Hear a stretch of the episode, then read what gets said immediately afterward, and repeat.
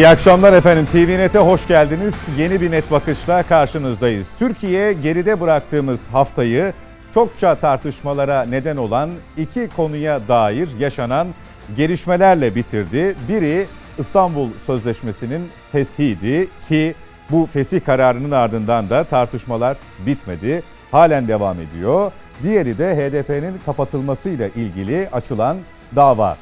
Net bakışa bu akşam bu iki ana başlık altında başlayacağız. Tabii ilerleyen dakikalarda da e, hem Gergerlioğlu'nun gözaltına alınma e, işlemi daha sonra serbest bırakıldı. Sonrasında ekonomide nelerin olup bittiği, dün akşam yaşananlar, bugüne yansıyanlar, Merkez Bankası Başkanı'nın değişmesi de diğer konularımız arasında yer alacak. Vaktimiz kalırsa biraz AK Parti Kongresi'nden çarşamba günü gerçekleştirilecek Cumhurbaşkanı Erdoğan'ın açıklayacağı manifestodan da bahsediyor olacağız. Konuklarımızı tanıtayım hemen sizlere. Her hafta olduğu gibi Mete Yarar bizimle birlikte. Hoş geldiniz Mete Çok Yarar. Yine Mücahit Birinci, Net Bakış'ın daimi konuklarından. Mücahit Bey merhaba, hoş merhaba, geldiniz. Hoş Özgecan Sırma bir diğer hukukçumuz bu akşam Net Bakış'a katılıyor. Hoş geldiniz Özgecan Hanım. Hoş bulduk.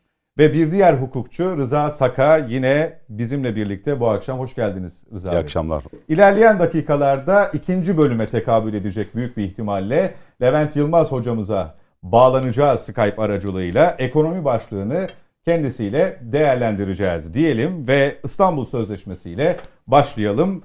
İlk söz hanımefendinin Sayın Özgecan Sırma ile başlayalım. Şimdi e, imzaladık uzunca bir süre tartıştık. Ee, bağlantılı birçok gelişme yaşandı ki bunların başını kadına şiddet olayları çekti. Ee, yine tartışmaya devam ettik. Ee, sözleşmenin kendisini yakın zamanda yine gündem konusu yaptık. Ya niye girdik biz buna yer almasak ne olur?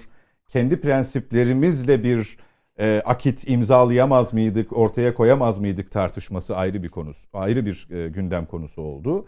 Şimdi feshedildi. Karşı duranlarla destekleyenler yine bu tartışmanın arkasından e, gelişmeleri hem izliyorlar hem de devam ettiriyorlar. Şimdi soru şu. Neden imzaladık? Neden çıktık? Ee, şimdi şöyle bir problemimiz var. Ee, meselenin içinde kadın veya mağdur bir kitlenin adı geçiyorsa insanlarda öncelikle bir tedirginlik oluyor. Aksini söyledikleri zaman sanki e, bunun karşısında veya işte kadın düşmanı her neyse artık o sahip işte hayvan hakları üzerine konuşuyorsanız orada bir tedirginlikten başka bir e, durumdan söz etmek istiyorlarsa örneğin işte hayvan düşmanı olarak addedilmekten korkuyor insanlar. Yani böyle bir tedirginlik oluyor hassas gruplarla ilgili konular konuşulduğu zaman. E, kadın sahikiyle, kadına karşı şiddetle mücadele adı altında çıktığı için e, böyle bir e, çıkış noktasında şerh koymak her zaman mümkün olmayabiliyor. Bir cesaret istiyor. Bu bir tavır gerektiriyor ve bu doğru anlatılması gereken bir husus oluyor.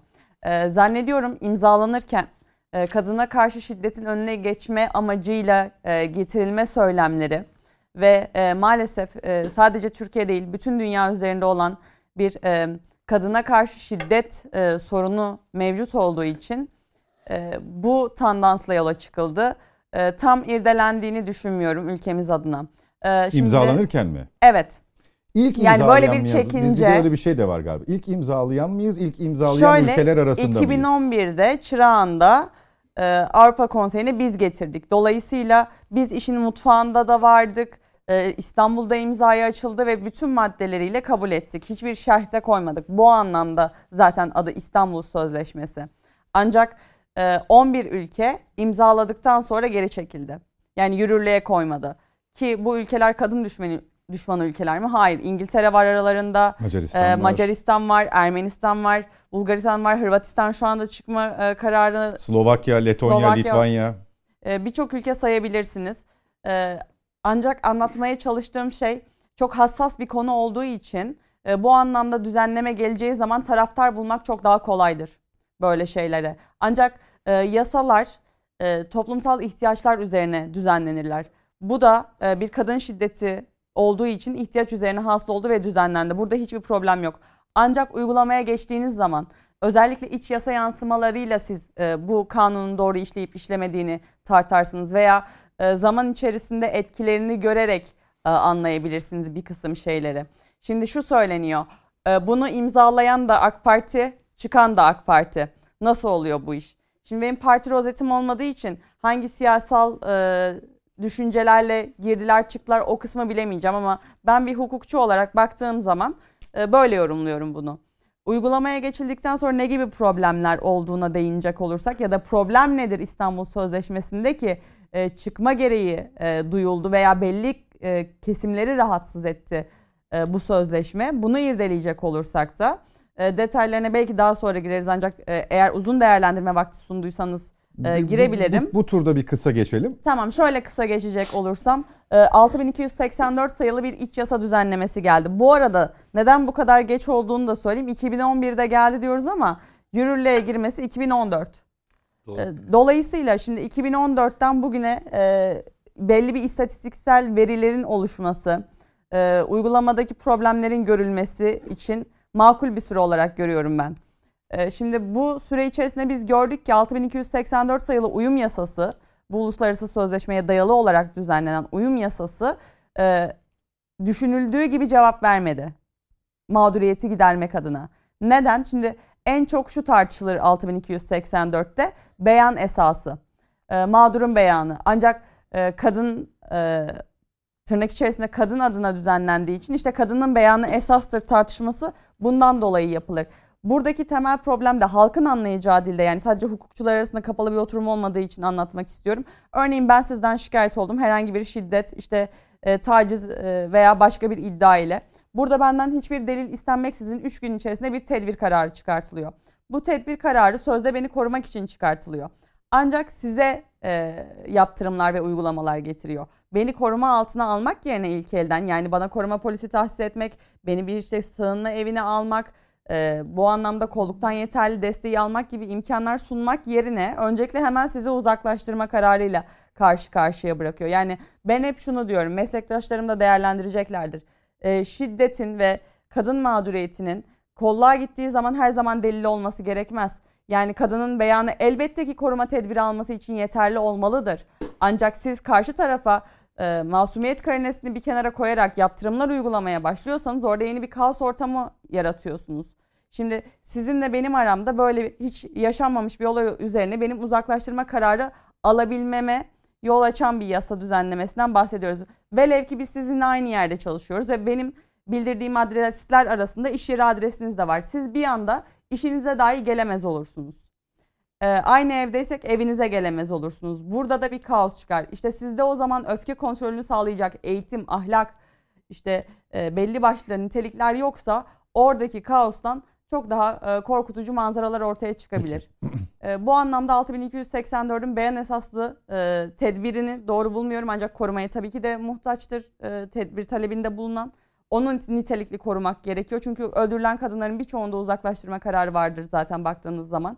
Ancak bunu ciklet gibi dağıtmaya başlarsanız ambiyane tabirle o zaman bu kadar nitelikli bir e, koruma imkanı veremezsiniz. Çünkü insani olanaklarınız sınırlı hale gelecektir. Özellikle işte koruma polisi ve e, tahsis yerleri anlamında.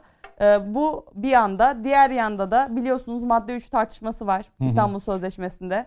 O da aile yapısı ile ilgili bir tartışma. E, bu da şunu söylemek istiyorum.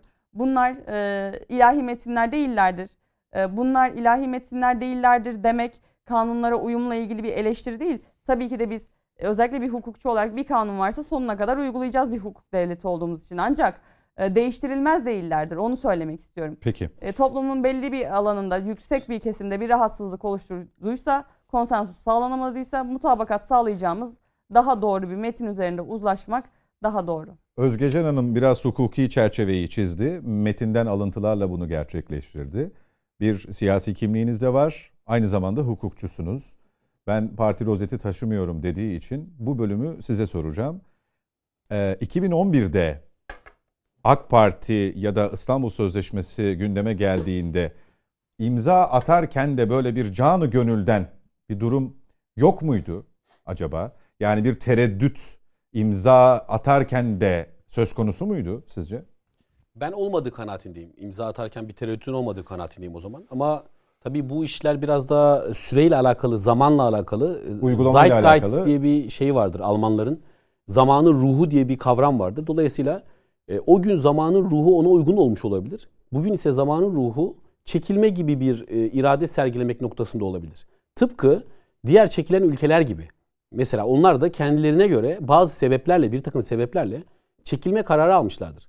Sözleşmeden çekilen tek ülke Türkiye olsaydı o zaman biz bu, bunu koca bir soru işareti olarak tartışır dururduk ama çeşitli ülkeler çeşitli vesilelerle, çeşitli sebeplerle sözleşmeden şu anda çekildiler.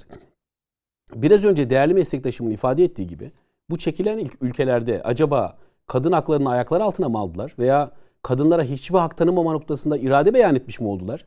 Veya kadınlar bundan çok mu zarar zarara uğradı? Tabii bu e, bu mümkün değil. Rasyoneliteyle, gerçeklikle alakalı bir durum değil bu. Fakat bunun üzerine tepinilebilir mi siyaseten? Elbette ki tepinilir. Tepinenleri görüyor muyuz? Elbette ki tepinenleri görüyoruz. Bizim pro, ana problemimiz bu.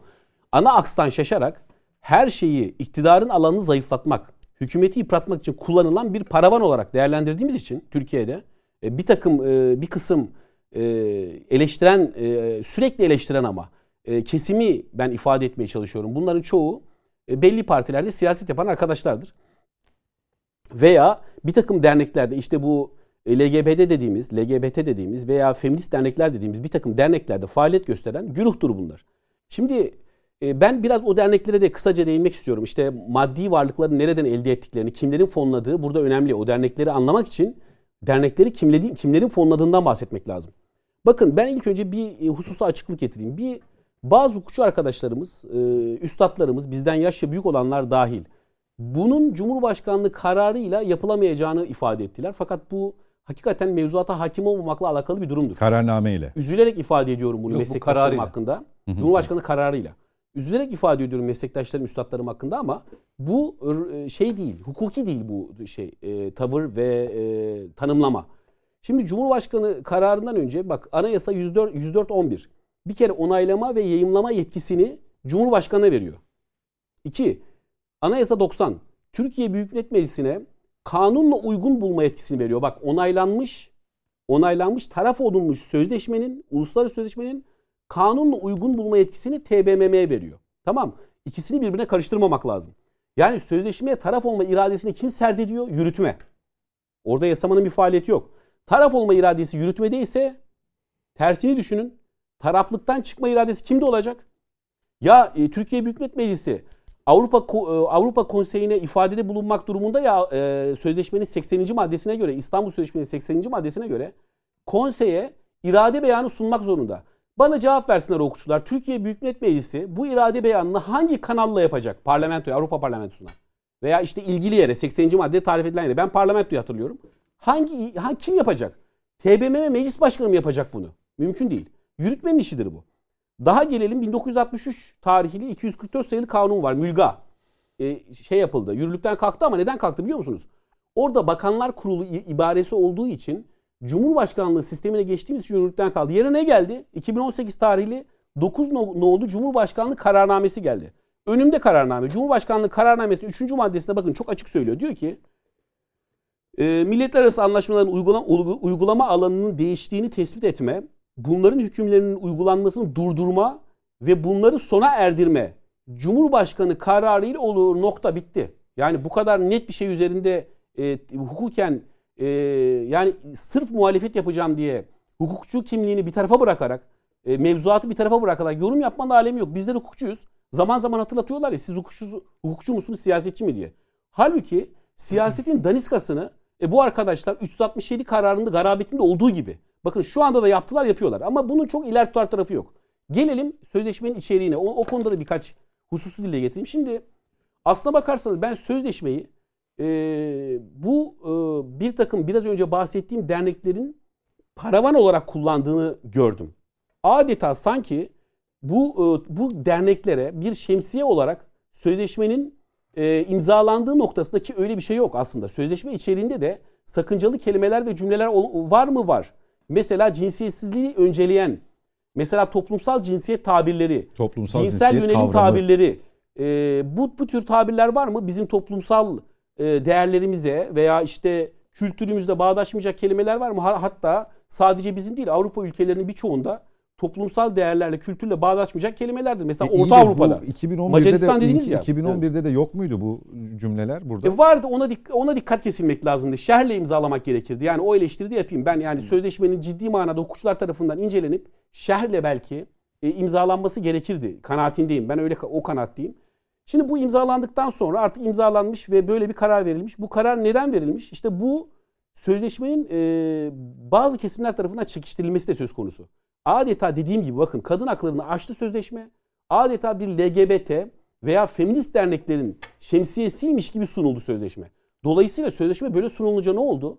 Bir takım hassasiyeti olan vatandaşlarımız e, özellikle muhafazakar kesimde sözleşmeye ciddi bir karşılık oluşması gayet doğaldı. Oluştu da. Ne yaptılar? Şimdi feminist dernekler ve e, LGBT dernekleri baskı grubu oluşturunca normal. E, bunu dile getiren muhafazakar e, yazarlar, e, muhafazakar kalemler veya muhafazakar düşünürler itirazlarını serdedince efendim baskı yapıyorsunuz. Ya öyle şey olur mu demokratik toplumda? Onlara onlara da normal, onlar için de normal. Abdurrahman Dilipak için de normal. Onlar da yapabilir. Ahmet Şimşirgil için de normal. Dinlenebilirdir. Onlar yapabilirler itirazlarını. Buna hatta başlarını koyabilirler. Sonuna kadar yürüyebilirler. Her türlü aracı sözleşmenin aleyhinde e, fikir oluşturmak için, kitle oluşturmak için kullanabilirler. Bunda bir beis yok ki demokratik ülkede. Neden rahatsız oluyorlar bundan? Feminist derneklerden neden rahatsız olmuyorlar? O açtıkları pankartlardan neden rahatsız olmuyorlar? Feminist ve LGBT derneklerinin elde ettikleri o uluslararası sermayeden gelen akan fonlardan neden rahatsız olmuyorlar? Kim kimse niye sorgulamıyor onları? Feminist dernekleri. Peki bir şey soracağım.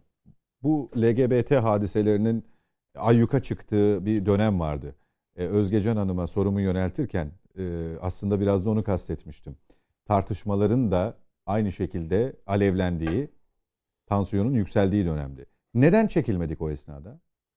Sözleşmeden. Şimdi e, tabii o bu e, bu bir tasarruftur. Buradaki zamanlamayı oraya getirdiğin için konuyu soruyorum. Evet. Bu bu bir tasarruftur. Buradaki zaman tabii bunu yönetilmesi gereken bir durumdur bu. E, siyasi bir hal olduğu için bu çekilmenin de yönetilmesi gereken bir durumdur. Siyaseten yönetilmesi lazım. Şimdi itirazlar o noktaya geldi ki çekinceler o kadar delilli bir şekilde ortaya kondu ki bir de şunu gördük tabii hani şunu gördük. Yani bu sözleşme acaba e, kadın yani Türkiye'nin acaba bu sözleşmeye hala hala hazırda ihtiyacı var mı diye düşünmek lazımdı. Düşünüldü. Şimdi 6284 sayılı kanun bakın biraz önce meslektaşım değerli meslektaşım değindi. 6284 sayılı kanun yet, bak yeterli mi? Yeterli şemsiyemiz var mı? Hayır. Ama mevzuata çalışalım. Mevzuata çalışalım. Sözleşmenin kaldırılması bizim önümüzde engel değil ki. Türkiye'de yargı veya işte yasama hür iradeyle bu kanunları çıkartabilir mi? Yapabilir mi? Bu hassasiyetler üzerinde durabilir mi? Durur tabii ki değil mi? Yani bizim sözleşmeye ihtiyacımız var mı? Sözleşmeden biz bir kere ana şablonu aldık, fikri aldık. Tamam. Dolayısıyla sözleşmeye ihtiyacın da kalmayabilir yani. Bakın 600 ben sayayım e, hangi kanun normları var. Şimdi 600 200 e, 6284 sayılı kanun var. Ondan sonra ne var? Ceza kanunu 102 103 var. Sonra ne var? Anayasanın yetmiyor. Anayasanın 10 ve 41. maddeleri var. Bak bunların hepsi kadına yönelik şiddetle, kadın cinayetlerini engellemekle veya çocuk istismarını, kadın istismarını engellemek noktasında konulan mevzuattır. Yeterli oluyor mu? O da vardı, bu da vardı. Yeterli oldu mu? Olmadı. Bak yine istatistikleri saptırarak bir şey söylüyorlar. Diyorlar ki Türkiye'nin durumu berbat. İşte kadın cinayetlerinde kötü. Ya bir Şimdi daha bile, kötü olacağız diyor. Bir kişi bile katledilmesin bak. Bir kişi bile katledilmesin. Ya öyle bir e, bunun karşısında görüş beyan edebilecek olan var mıdır ya? Yani sözleşmeye itiraz edenlerin bu noktada e, kadınların güvenliği noktasında e, çok hoyrat düşüncelerde olduğu düşünülebilir mi ya? Böyle bir deli saçması olabilir mi? Ama insanları de, insanları yaftalıyorlar bunlar. İyi de bir de Karşıt gerçekler var yani her gün her gün haber bültenlerinde biz vermekten artık yani usandık. Öyle görüyorsunuz değil mi? Ee, Bakın ben size realiteyi bir söyleyeyim. Hı. Böyle gör, görülüyor. Çünkü niye? Üzerinde tepiniliyor bunun çünkü. Hayır görülmüyor. Bir Şimdi kişi bile... istatistik olarak e, bizden daha ileri ülkeler olduğunu da biliyorum. Yani ben bir dünya yöndeki, ortalamasını biliyorum. Bu yöndeki ara, evet evet ortalamaların da farkındayım. Ama netice itibariyle biz kendimize bakmalıyız. Elbette. Yani biz bunun önüne geçmek için Çok ne yapmalıyız? Doğru. Ondan bağımsız bir şey onu, söylüyorum. Bakın, onu tartışmalıyız. Tamam. Kesinlikle en fikrim. Ondan bağımsız bir şey söylüyorum. Yani burada istatistikler doğrudur değil mi? Yani bu istatistikler uluslararası kurumların yaptığı istatistiklerdir. Yani bu istatistiklerin elbette ki bir kadınımızın saçının kılına zarar gelmesini kimse elbette ki ya bunun bunu ifade etmekten bile hani e, zul benim için bunu ifade etmek. Elbette ki hiçbirisi olmasın. Bu cinayetlerin önüne geçelim. Ama bu cinayetlerin önüne işte sadece kanun metinleriyle, sözleşme metinleriyle geçmemiz imkansız. Bir bakış açısı değişikliğine ihtiyacımız var bizim. Bakış açısı değişikliği. Onu ne o? tartışacaksak tartışırız. Bakış açısı değişikliği şudur. Bakın. E, ona e, ona girme istersen. Girmeyeyim nasıl, ama ben şunu ben nasıl? şunu söyleyeyim. Bunu söyleyeceğim ben çünkü bunun üzerinde İçişleri Bak- Bakanımızın açıkladığı ha, şeydir bu. E, durumdur. Bakın 1 milyon kadında kadın cinayeti keşke bir kişi bile olmasaydı. Net bir şekilde ifade ediyorum. Şimdi küresel ortalama 1 milyonda 13 kadın cinayeti. Avrupa kıtasının ortalaması 7 kadın. Türkiye'nin ortalaması 3.8 kişi. Bakın 1 milyon kişide. Şimdi istatistikler bu. Ya süper tablo mu? Hayır ya bir kişi bile olmasın ama ama şu. Siz bunun üzerinde bunun bu tür e, şeyleri e, saptırarak, rakamları saptırarak yine ederek. yine bir yine bir siyasi iktidara çullanma vesilesi yapıyorsanız ve hiçbir katkınız yoksa meselede. Hiçbir katkınız yoksa ama sadece bunun üzerinde tepiniyorsanız o zaman ben sizin fikrinizde, görüşünüzde ve fiillerinizde art niyet ararım. Burada samimi değilsiniz. Peki. Katkı sunmanız lazım. Ne yapmamız lazım? Söyleyin feminist dernekleri bir katkıları var mı ya? Bir tane kanun tekniği tavsiyeleri şunu yapalım dedikleri yok ki. Bak o fonlama o feminist derneklerin LGBT derneklerinin kişilik haklarıyla hiç alakası yoktur. Ne Peki. kadın hakları ilgisi vardır ne o e, bir takım e, o hususta e, o hayatı yaşayan e, şahıslarla vatandaşlarımızla alakası vardır. Ha bunlar hak savunuculuğu yapmazlar. Peki. Bunlar küreselci çetenin küreselci çetenin ulus e, ulus devletlerin alanını daraltmak için kullandığı manivelalardan başka hiçbir şey değildir. Peki. Bir noktalıyım. Hukukçulara bir ara verip e, Mete Yarar'la devam edelim. Sonra Rıza Sakay'a geleceğim. Şöyle bir şey yapılamaz mıydı? Ee, ben ısrarla o dönemde İstanbul Sözleşmesi çokça tartışıldı. Aynı ideolojide, aynı düşüncede olan insanlar birbirlerine girdi. Bu sözleşme vesilesiyle. Hatırlıyoruz o tartışmalı dönemi. Çıkılıp şöyle denebilirdi. Biz bu sözleşmeyi gözden geçirmeye karar verdik. İki, sözleşme Cumhurbaşkanı kararıyla feshedilmeden önce, sözleşmeden çekilinmeden önce bizim şöyle bir metnimiz var. Kadın dernekleri, işte sivil toplum kuruluşları bir araya geleceğiz. Kendi metnimizi, kendi sözleşmemizi, ismi Türkiye Sözleşmesi olabilir e, hazırlayacağız. O yüzden biz İstanbul Sözleşmesi'nden çekiliyoruz. E, bu metni de taslak metni de tartışmaya açıyoruz. Dense farklı olur muydu bunun yansıması? Olması da önemli değil ki. Yani olabilir de olmayabilir. Asıl mesele yani hani soru boşa gitti ya. Hayır, şu hayır. Asıl tartışması gereken O kadar güzel sormuş. hayır, soru çok güzel.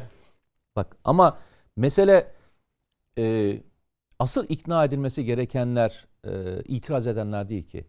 Bu bunun ismini bir daha söyle, okuyalım mı? Yani bu sözleşmenin ismini okuyalım mı beraber? Kadınlara yönelik şiddet ve aile içi şiddetin önlenmesi ve bunlarla mücadele ilişkin Avrupa Konseyi Sözleşmesi. Yani içindeki diğer tartıştığımız bütün konularını bir yere koyun. Asıl e, ismi bu. Bir Avrupa Konseyi Sözleşmesi ve Buna imza atan ilk etapta 45, şimdi işte 44. E, onaylayan ülke sayısı 33. Üstad ben sana daha güzel bir isim söyleyeyim mi? Bak. Ailenin korunması ve kadına karşı şiddet oraya geleceğim. dair kanun. Hayır şimdi oraya geleceğim. Hiç, yani şey, bak. Hayır bana ben hukuki hiç girmeyeceğim. Hukuki kısmına girmeyeceğim. Yani çünkü o sizin alanınız. Yani üç tane hukukçu varken ya benim hiç bilmediğim bir alana Sağlık girmek olmaz. Ben yani. girmeyeceğim. Ben başka bir şey tartışacağım. Hukuk bizim inhisarımızda değil. Yok yok öyle deme ya. Ee, hani sonuçta hepiniz bu işin ilmini okumuşsunuz. Buradaki bana sorduğun soru şuydu. Bu nasıl yapılabilir aslında sordun değil mi? Nasıl yapılabilir sordun. Ben şöyle söyleyeceğim. Ee, şöyle yapılsa olur muydu? Aynen öyle. Ee, uzun zamandan beri bu tartışmalar var. Ve bu tartışmaları yapan kişiler aynı platformda hiç görüş, buluşmadılar. Yani Herkes kendi cephesinde bu konuyu tartıştı. Doğru mu? Tartışıldı, tartışıldı, tartışıldı ama hiç kimse kimseyi duymak gibi bir e, olayın içinde yer almadı. Ben başka bir şey daha geçeyim. Kaç kişi şu sözleşmenin tamamını okumuştur Türkiye'de? Avrupa Konseyi'nin şu imza adımı sözleşmenin ne kadarını okumuştur? Ben bu olaylardan önce başladan dönemde hatırlarsan bir ara daha İstanbul Sözleşmesi ile ilgili tartışmalar olduğu dönemde hem sözleşmeyi okudum çünkü içinde geçen tartışmalı yerler vardı. Bir de bununla ilgili yapılmış olan bütün haberler okudum. Yani kim neye kızmış, kim neye itiraz ediyor, savunan da neyi savunuyor tek tek okudum, tek tek madde madde baktım. Burada üç tane hukukçu var. Üçüne de sorayım. Bu sözleşmenin içerisinde e, deklare edilmiş bir hukuk maddesi var mı? Yok. Ne, ne, yani hayır. Mesela 6284. şey uyum e, yasaları gelir. Uluslararası uyum, sözleşmeler genel bir çerçeve verir. Siz de iç hukukunuza uygun olarak tamam, ha, o aynen anlamda bir düzenleme ya orada yaparsınız. bir metin yok. Şey metni yok. Yani yasa içerisinde şu yasa metni yok. Canım, Bu metni okuyacaksınız, alacaksınız çerçeve, diye bir şey yok. Yasa. Sözleşme Nelerin falan. önlenmesini istedikleriyle ilgili bir çerçeve var. Doğru. Ve ana hattı çizmiş. Sen bunu nasıl yapacağına sen kendin karar vereceksin. Yani içinde hangi maddeyi koyacağını, nasıl koyacağını kendi ülke şartlarında. Mesela İngiltere niye onaylamamış hala? İngiltere diyor ki ben iç mevzuatıma göre hala o maddeleri onaylayacak iç çalışma yapamadım diyor. Ve onaylamamış o yüzden de. Önce kendi şeyini yap, çalışıyor. Çıkmış. İngiltere çıkmış. Hayır İngiltere yani, çıkmadı. Hiç onaylamadı. yürürlüğe girmiyor. Girmiyor. İngiltere'de evet. hala meclis tarafından onaylanmadı yürürlüğe girmiyor. Soruyorlar meclise. Yani siz niye kabul etmediniz? Diyor ki iç hukuk sistemimi önce tamamlayacağım. Sonra onaylayacağım diyor. Yani İngiltere önce mevzuatını düzeltip ondan sonra onaylamaya karar veriyor. Şimdi ben de aynı yere geleceğim.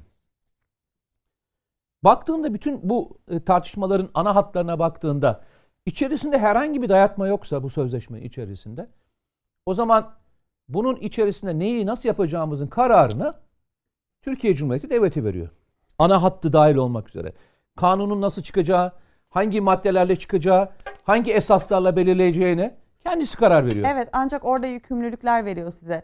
Ee, bir algıdan bahsediliyor karşı tarafta da. Burada size verdiği yükümlülükler işte meslektaşımın e, biraz önce değindiği bunların örgütsel işte STK'lar altında bulunması, derneklenmesi, fonlanması, raporlanması oraya vesaire geleceğim. gibi oralarda Şimdi biraz tam oraya tartışma geleceğim. var. Şimdi oraya geleceğim. Meslektaş dayanışması başlıyor. Dikkatli Hiç olun. sorun yok. Hiç sorun yok. Ben söyleyeceğimi söyleyeceğim. Ee, söyleyeceğim şey de şu. Bu işin ana nüvesi kadınlarla ilgili ve çıkış e, altyapısı kadınlarla ilgili. Öncelikle ikna edilmesi gereken kadınların kendisi. Yani e, bu sözleşmeyle e, ülkelere şunu söylüyorlar. Siz bunun için ekstra gayret gösterin sözleşmesi bu. Yani öncelik tanıyın. Buna göre mevzuatlarını düzeltin. Çakışan konular varsa bunları halledin diye. Şimdi bu olay olduğunda arkadaşlar bana şunu sordular. Yani şimdi ne oluyor dediler. E, Türkiye'de sözleşmeden çıkınca e, şey mi olacak? Yani kadına şiddetle ilgili hiçbir kanun kalmadı mı? Şimdi bir kadının 6284 nolu kararı bilmeyebilir. Kanun. Bilmeyebilir. Kanunu bilmeyebilir. Yani bu sözleşmeden çıkılmış olması yani kadına şiddetin ortadan kaldırıldığı ile ilgili bir durum yaratmıyor. Hala bununla ilgili bir mevzuat var. O zaman şunu söyleyelim mi? Önce bununla ilgili ilgili tarafları toplarsınız. İlgili taraflarla bir yaparsınız. Karşı tarafı itiraz edenleri bir araya getirirsiniz. Bir kurultay toplarsınız. Bu kurultay içerisinde herkesi dinlersiniz. Ortak bir metin üzerine anlaşmaya çalışırsınız. Toplum da bu konu hakkında bilgilenir. Ve bu bilgilenmenin sonunda dönersiniz dersiniz ki arkadaşlar bakın biz araştırdık, tartıştık, konuştuk, tarafları dinledik. Ama biz bazı konularda çekincelerimiz var. Biz bunu varız veya yokuz. Hatta demin senin söylediğin gibi ortaya da bir metin koyarım. Sözleşme metni koyarım. Bununla ilgili bir sözleşme metni koyarım. Arkadaşlar bu metni de şimdiden çıkartıyorum. Yani bu metne uygun bir kanunda çıkartıyorum. Meclisten çıkartıyorum. İptal ettiğim andan itibaren hiçbir şey ortada kalmayacak. Ben irade beyan ediyorum dersin. İrade beyan ediyorum dersin. Bugün tartıştığımız konu ne? Cumartesi günü bir anda çıktığı andan itibaren herkes bir şöyle bir kaldı. Herkes kaldı. Şimdi bu kadar Avrupa Konseyi Sözleşmesi'nin altına imza attığında hepimiz böyle kalıyorsak o zaman bir, bir şeyde bir sıkıntı vardır. Anlatamamakla ilgili bir sıkıntı vardır. İkincisi usul. Usulle ilgili bir sıkıntı vardır. İkincisi bence önemli şeylerden bir tanesi. Zor bir dönemden geçiyoruz. Gerçekten zor bir dönemden geçiyoruz. Sayın Cumhurbaşkanı ısrarla birkaç şeyden bahsetti. Birincisi e, insan hakları ile ilgili reform, e, reformlar. İkincisi de iş hayatı ile ilgili reformlar. Ekonomi. Ekonomi. Ekonomi ile ilgili. Ve bunların tamamı hangi e, yere mesaj verdik biz? Dünyadaki e, ilgili yerlere. Bunlardan en önemli bir tanesi Avrupa Birliği. Biz ne dedik? Avrupa Birliği ve dünya normlarıyla ilgi berbat edeceğiz değil mi? Şimdi reformdan bahsettikten sonra kendi toplumumuza bile anlatmakta zorlandığımız yani neden kaldırdığımızı anlatmakta zorlandığımız bir konuyu sence zaten ön yargılıya bakan Avrupa Birliği'ne ve diğer dünya ülke anlatma şansımız var mı? Bence yok. Demin Mücahit çok güzel bir laf söyledi. Dedi ki zamanın ruhu dedi değil mi? Zamanın ruhu dedi. Ben de ben bir güvenlik politika uzmanı olarak şunu söylüyorum.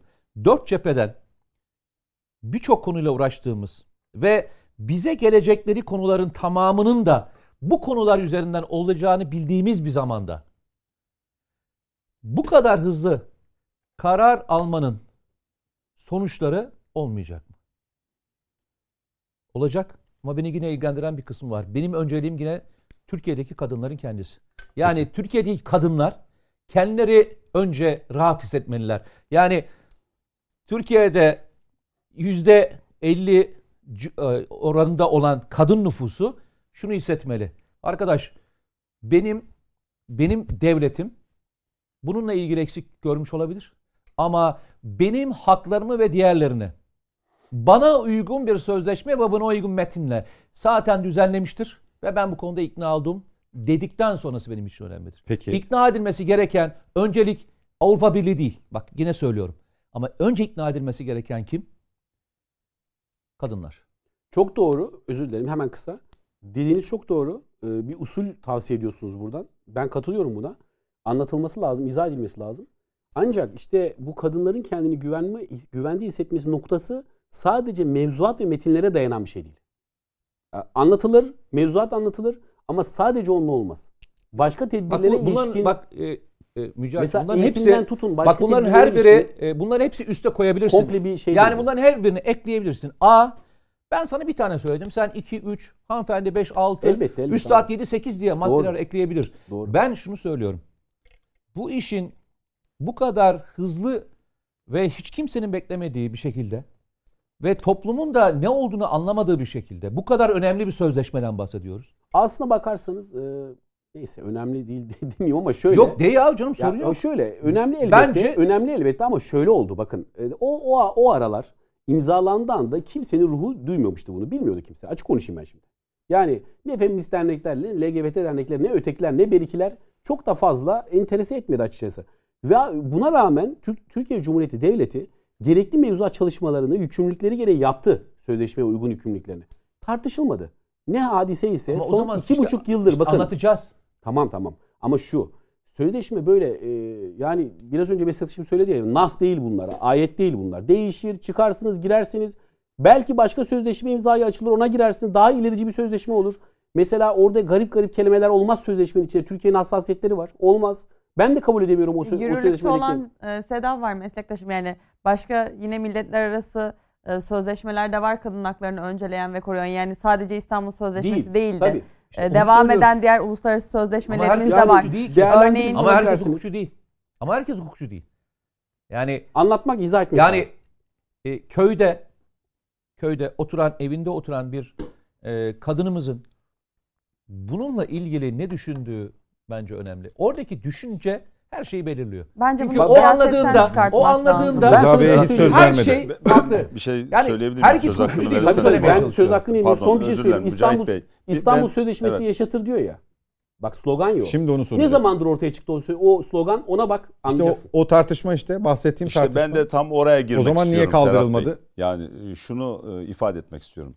Şimdi herkesin ya da ne kadar yaşattı? E, bir e, tartıştığı e, zemini olmayan, e, altı olmayan bir boşluk bo, boşlukta tartışıyoruz. Yani İstanbul Sözleşmesi yaşatır e, ifadesi var. Yani şöyle, şöyle bir algı oluştu. Sanki kadın hakları Türkiye'ye İstanbul Sözleşmesi ile geldi. Kadına yönelik şiddetin önlenmesine yönelik irade sanki İstanbul Sözleşmesi ile var oldu ve e, İstanbul Sözleşmesi olmazsa kadına yönelik şiddetin önü açılır e, kadına e, yönelik e, şiddet e, yanları sanki serbestiyet kazanır gibi bir algı oluştu. Ben bir kere bu algının silinmesi gerektiğine inanıyorum. Türkiye'de şöyle bir sorun var. Yani bilmeden konuşma sorunu var. 1998 yılında ailenin korunması hakkında kanun var. 4320 sayılı kanun. Meslektaşlarım da bilirler. Ee, belki yaşım benim biraz daha eski olduğu için ben daha çok biliyorum çünkü o kanun gereğince işlem e, yaptım ben de. Bu e, kanun e, 6284'ten önce çıkmış. O 6284'ün babası kanun. Yani e, 1998 yılında İstanbul Sözleşmesi mi vardı? Yoktu. 1998 yılındaki kanun hatta Türk Medeni Kanunu'nun e, yeni e, 99'da kabulünden önce çıkarılmış çok öncü bir kanundur. Yani bu kanun e, özellikle o dönemde 1998 yılında aile e, içi şiddetin, kadına yönelik şiddetin önlenmesine e, yönelik düzenlenmiş bir kanundu. Şimdi İstanbul Sözleşmesi yaşatır diyenlere ben hatırlatmak istiyorum. Yani 4320 sayılı 1998 tarihli bu kanuna açıp baksınlar. Yani Türkiye Cumhuriyeti haberleri e, yoktur üstad. Evet, e, Türkiye Cumhuriyeti bir İstanbul Sözleşmesi ile tanışmadı kadın haklarıyla ya da kadına yönelik şiddetin e, önlenmesi konusunda. Kaldı ki Cumhuriyet tarihinden itibaren söz edecek olursak Türkiye Cumhuriyeti'nde kadınlar önce e, hak, hakkına e, Türk Medeni Kanunu'yla kavuştu. 1926 tarihinde. Yani İstanbul Sözleşmesi yoktu yine o zaman. Türk Medeni Kanunu e, kadın haklarını e, öncelikli olarak getirdi. Daha sonra seçme ve seçilme hakkını e, sağladı Cumhuriyet kadınlara. Avrupa'nın pek çok e, ülkesinden önce. Şimdi e, az önce Mücahit Bey de ifade etti. Gerek anayasanın ilgili maddelerinde gerek Türk Ceza Kanunu'nda gerekse 1999 yılında yeniden e, daha önce İsviçre'den iktibas edilmiş kanun yerine bizim kendi hukukçularımızın e, düzenleyip e, yasalaştırdığı Türk Medeni Kanunu e, pek çok hakkı e, getirmekte.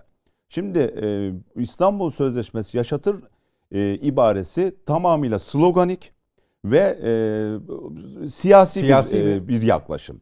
O zaman ben söylüyorum bakın 1998 e, yılındaki 4320 sayılı ailenin korunması hakkında kanuna ne diyeceksiniz siz? Bu kanun gereğince pek çok uzaklaştırma kararı verildi. E, kadınlar e, bu konuda hakimlerden tedbir kararları aldı. Çok kolay bir şekilde aldı. Yani şimdi içi boş bir şekilde konuşmanın bir anlamı yok. O, bu nedenle İstanbul Sözleşmesi ben kadınlarımızın içi boş, bir kere içi, içi boş e, konuşmanın anlamı yok derken e, çünkü bakın hani hukukçusun sloganik değilsin. bir yaklaşım. Ha anladım. Evet. Şey, yaşatırlar için söylüyor. Evet, sloganik bir yaklaşım. Yaşatıyor zaten. 1998 yılında 4320 sayılı kanunda yaşattı kadınları. Türk Medeni Kanunu'nda yaşatıyor.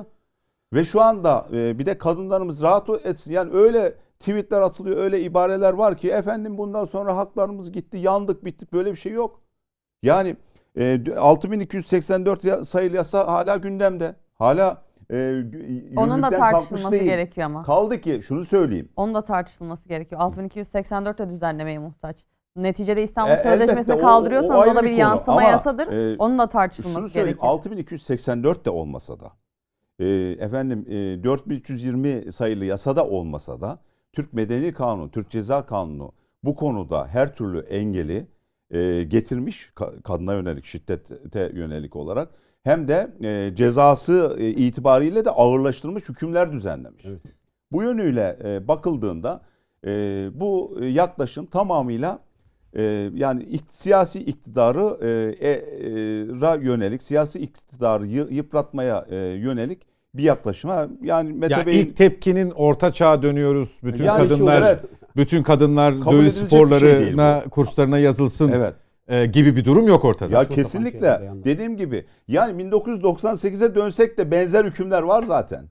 Yani bırakın İstanbul Sözleşmesi, bir bırakın 6284'ü. Yani e, zaman makinesine gidip 98'e 99'a döndüğümüzde de İstanbul Sözleşmesi'nin tamam İstanbul şunu da ifade edeyim. Şimdi tabii e, tartışırken işin kötü tarafı hep böyle takım tutar gibi tartışıyoruz ya. Yani bir tarafında İstanbul Sözleşmesi'ni tukaka diyenler işte bütün toplumu ifsad edecek, yandık, bittik diyenler öbür tarafta da İstanbul Sözleşmesi e, giderse e, kadınların e, kadınlara yönelik şiddet arttı diyenler. Yani İstanbul Sözleşmesi'ne de baktığımızda genel olarak bakıldığında İstanbul Sözleşmesi de e, gayet medeni bir sözleşme. İçinde kadın e, yani e, daha önceki düzenlemelere benzer. Yani şey şu değil. E, İstanbul Sözleşmesi e, 2012 yılında 2011 yılında her şeyi yeniden keşfetti de getirdi değil. Daha önce de benzer e, haklar, temel haklar sözleşmesi vardı. Avrupa İnsan Hakları Sözleşmesi vardı. Avrupa Konseyi'nin benzer sözleşmesi vardı. Bunların devamı niteliğinde gelişmiş bir sözleşme İstanbul Sözleşmesi. Bu bu yönüyle bakıldığında pek çok e, güzel, etkili e, düzenleme var kadına yönelik e, şiddetin önlenmesi konusunda. Tekrar ediyorum bakın 1998 tarihli bizim yasamızdan biraz daha gelişmiş hali İstanbul Sözleşmesi. Türk Peki. Medeni Kanunu'ndaki hükümlerden e, hükümleri biraz daha geliştirmiş hali. Bu yönüyle e, bakıldığında e, İstanbul Sözleşmesi olsa da olmasa da kadının yeri var e, Türkiye'de. Kadına yönelik şiddetin önünde hala hem yasal hem idari pek çok e, tedbir var. Bu e, yani te, tekrar ediyorum İstanbul Sözleşmesi'nin eleştirilecek tarafları var.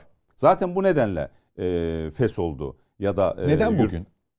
Bugün neden e, şöyle söyleyelim. Neden cuma gecesi? E, bakın e, anayasanın düzenlemesine göre uluslararası sözleşmeleri yapma yetkisi e, yürütmeye aittir. As, eski 104'e baktığımızda Cumhurbaşkanının yasamaya ilişkin yetkileri ve yürütmeye ilişkin yetkileri diye ayrılmış. Yani en son e, değişiklikten önce uluslararası sözleşmeleri onaylama yetkisi yürütmeye ilişkin bir yetki olarak kabul edilmiş. Şimdi e, şunu ifade edelim.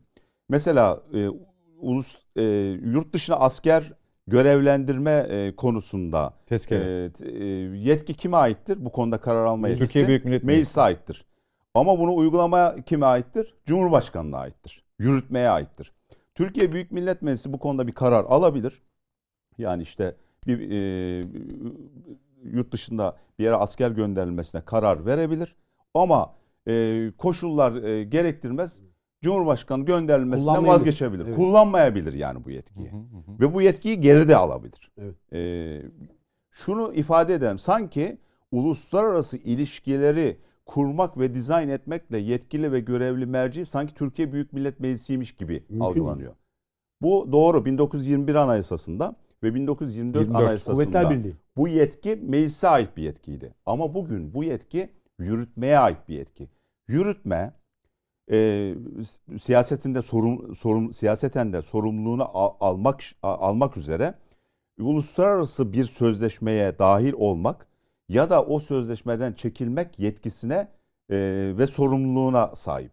Bu nedenle e, bunun zamanlaması e, ona, geleceğim. Bunun zamanlaması yürütmeye ait. Şimdi Cumhurbaşkanı'na ait e, bir zamanlama. Sorun şu. Bakın az önce biraz e, Mücahit Bey de ifade etmeye çalıştı. İşin kötü tarafı e, Özgecan Hanım da söyledi ya bazı hususlar var ki şimdi konuşmaya korkuyoruz. Yani kadına yönelik e, e, bir konuyu konuşurken ya da hayvan hakları ile ilgili. Şimdi aynı durum, benzer durum eşcinsellerle ilgili konuşurken e, dikkat etmeniz lazım. Çünkü her e, söylediğiniz e, söz e, onlara yönelik sanki bir aşağılama olarak e, algılanıyor. E, oysa e, bu toplumda eşcinsel eğilimlere yönelik eleştiri e, hakkımız da var. Bunun e, doğal bir e, yönelim olmadığını söyleme hakkımız da var. E, sadece şuna hakkımız yok. Birisi cinsel yönelimi nedeniyle şiddete maruz bırakılamaz. Zaten İstanbul Sözleşmesi bunu, bunu diyor. Fazladan bir şey demiyor yani. Peki. E, elbette bir, bir şiddete maruz kalmasın. Ama bugün LGBT'yi ya da onun e, e, savunduğu düşünceleri eleştirmek, bu konuda müzakerelerde bulunmak, bak Türkiye'de henüz daha o kadar zor değil ama e, mesela dünyada, Avrupa ülkelerinde, Amerika'da mümkün değil böyle bir şeyde bulunamazsınız. Yani böyle bir ifadede e, bulunamazsınız. Aynı İsviçre'de hani e, Ermeni soykırımı yoktur demek suç, suç. olduğu gibi eşcinsel yönelimin e, doğal bir yönelim olmadığı, insanın geleceğine yönelik büyük bir tehdit olduğu yolunda bir ifadede, bir ön, yargıda bulunamazsınız. Neyse ki Allah'tan yani e, ilk defa e, çok uzun zamandan beri Papa Francis'e e, şükranlarımı sunuyorum yani hiç olmazsa. Çünkü böyle farklı yaklaşımlar içerisindeydi. Geçen hafta biliyorsunuz eşcinsel birlikteliklerin daha doğrusu aynı cins evliliklerin Hristiyanlıkta, Katolik'te günah olduğunu, savunulamayacağını ve ailenin e, e, aile mefhumuna yönelik büyük bir tehdit olduğunu ifade etti. Kıyamet koptu takip etmişsinizdir. Evet.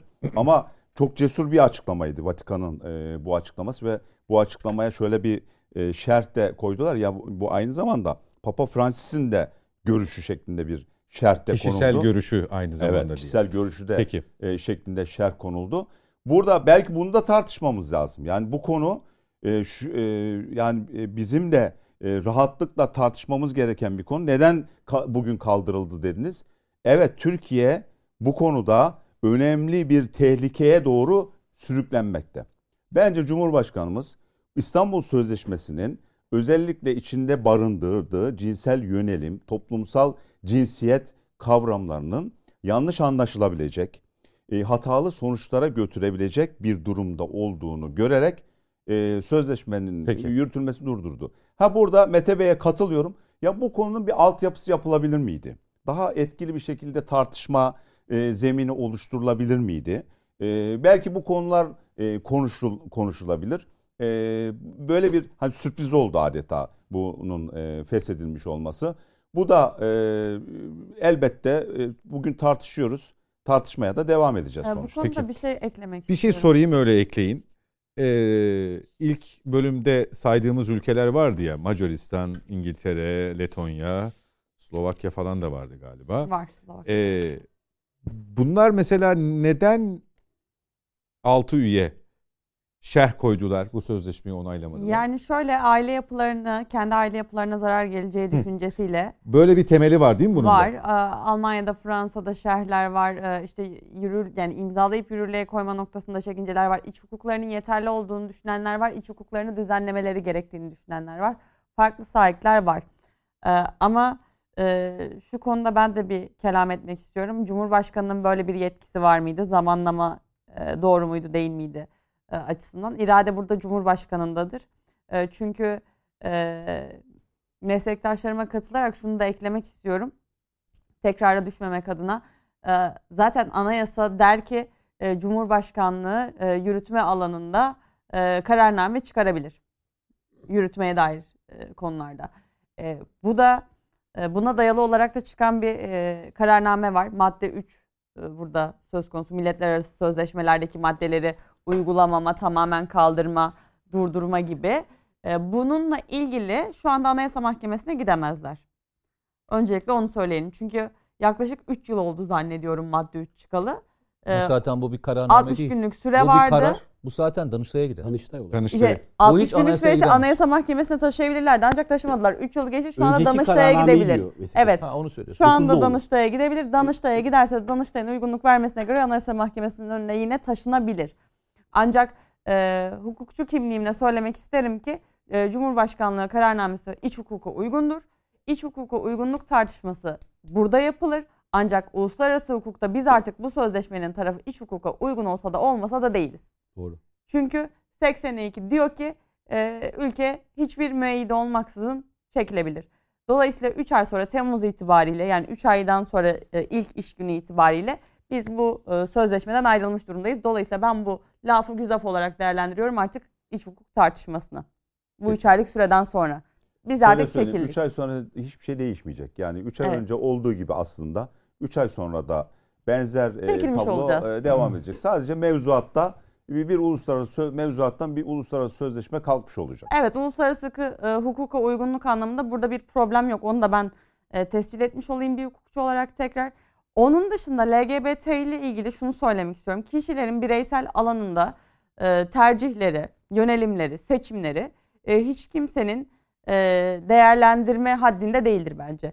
Ancak toplumsal değerler... Pardon, özür dilerim. Yani mesela birisi ben 13 yaşında veya da, ya da 10 yaşında birisiyle cinsel ilişkiye girmek istiyorum dese. Bu bambaşka bu bir, şey. Bir, bu, bu kişisel bir tercih bu olarak kişisel bir tercih olamaz. Hayır. Aslında burada yani burada bir sınır olmalı. Tabii ki de sınır itibariyle. olmalı. Ancak e, belli bir e, temiz kudretine ulaşmış, yeterliğe ulaşmış kişilerin e, hane içerisinde veya özel hayatlarında neyi tercih ettikleri, ne yaşadıkları hiç kimse ilgilenmez. Ben e, özgürlüklerin e, önemsenmesini ve korunmasının e, gerekliliğini savunuyorum bu anlamda. Ama e, örgütlenmek, STK'laşmak, e, sokakta bunu e, başka bir siyasi tandansla savunmak, e, başka bir noktaya getirmek, e, aile yapısını etkileyecek e, hadde getirmek ve işte çocukların belki e, bu anlamda etkilenmesini sağlayacak hale getirmek. Bunun önünü bu şekilde açmak toplumsal değerleri ve e, ülkenin istikbalini zedeleyecektir. O yüzden bununla ilgili bir duruşun da sergilenmesi gerekir.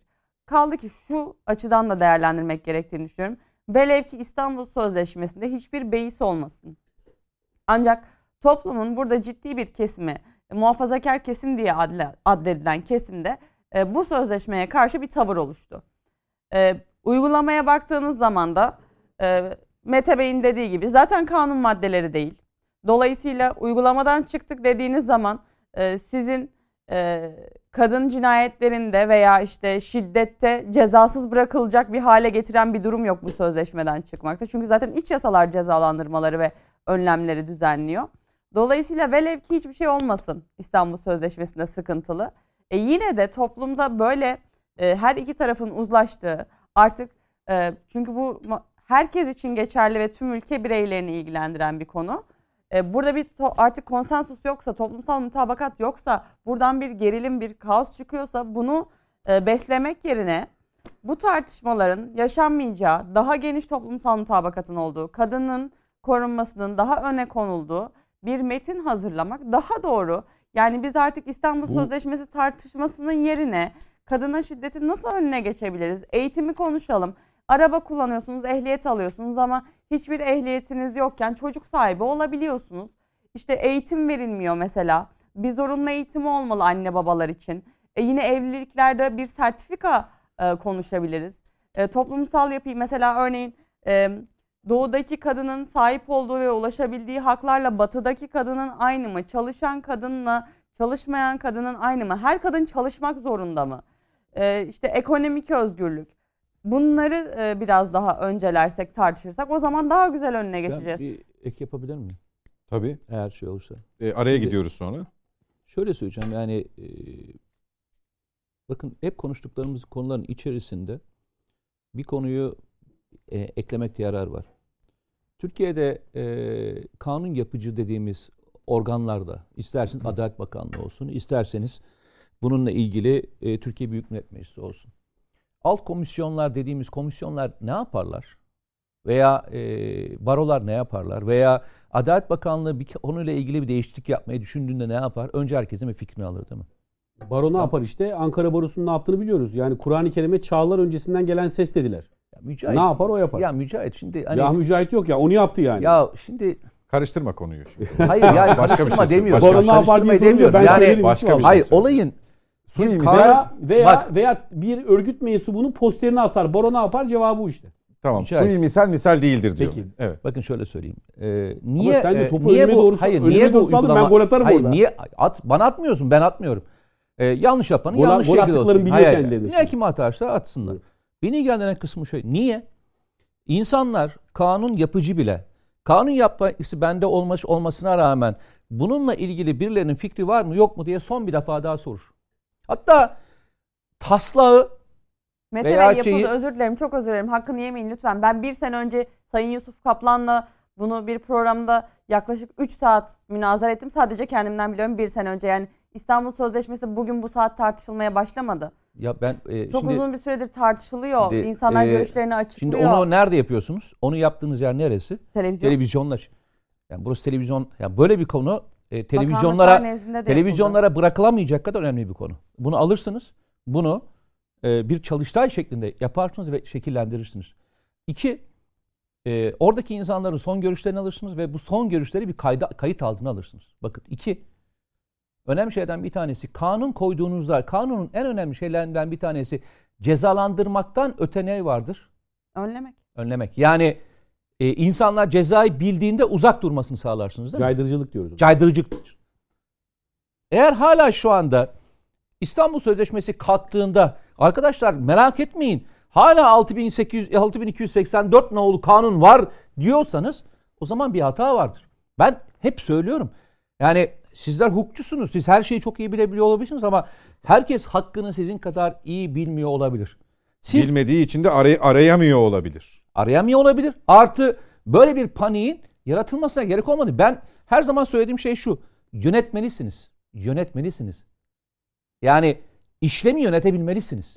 Onu atmaya çalışıyorum. Muhakkak Aradan sonra devam edeceğiz. Ama Peki. Kades, Kades'e ee, biraz uzayacak lütfen. gibi hissettim. İşte o yüzden, Dönüş, o yüzden, dönüşte tamam, seninle başlayayım. Ara vakti efendim net bakışta sonrasında buradayız.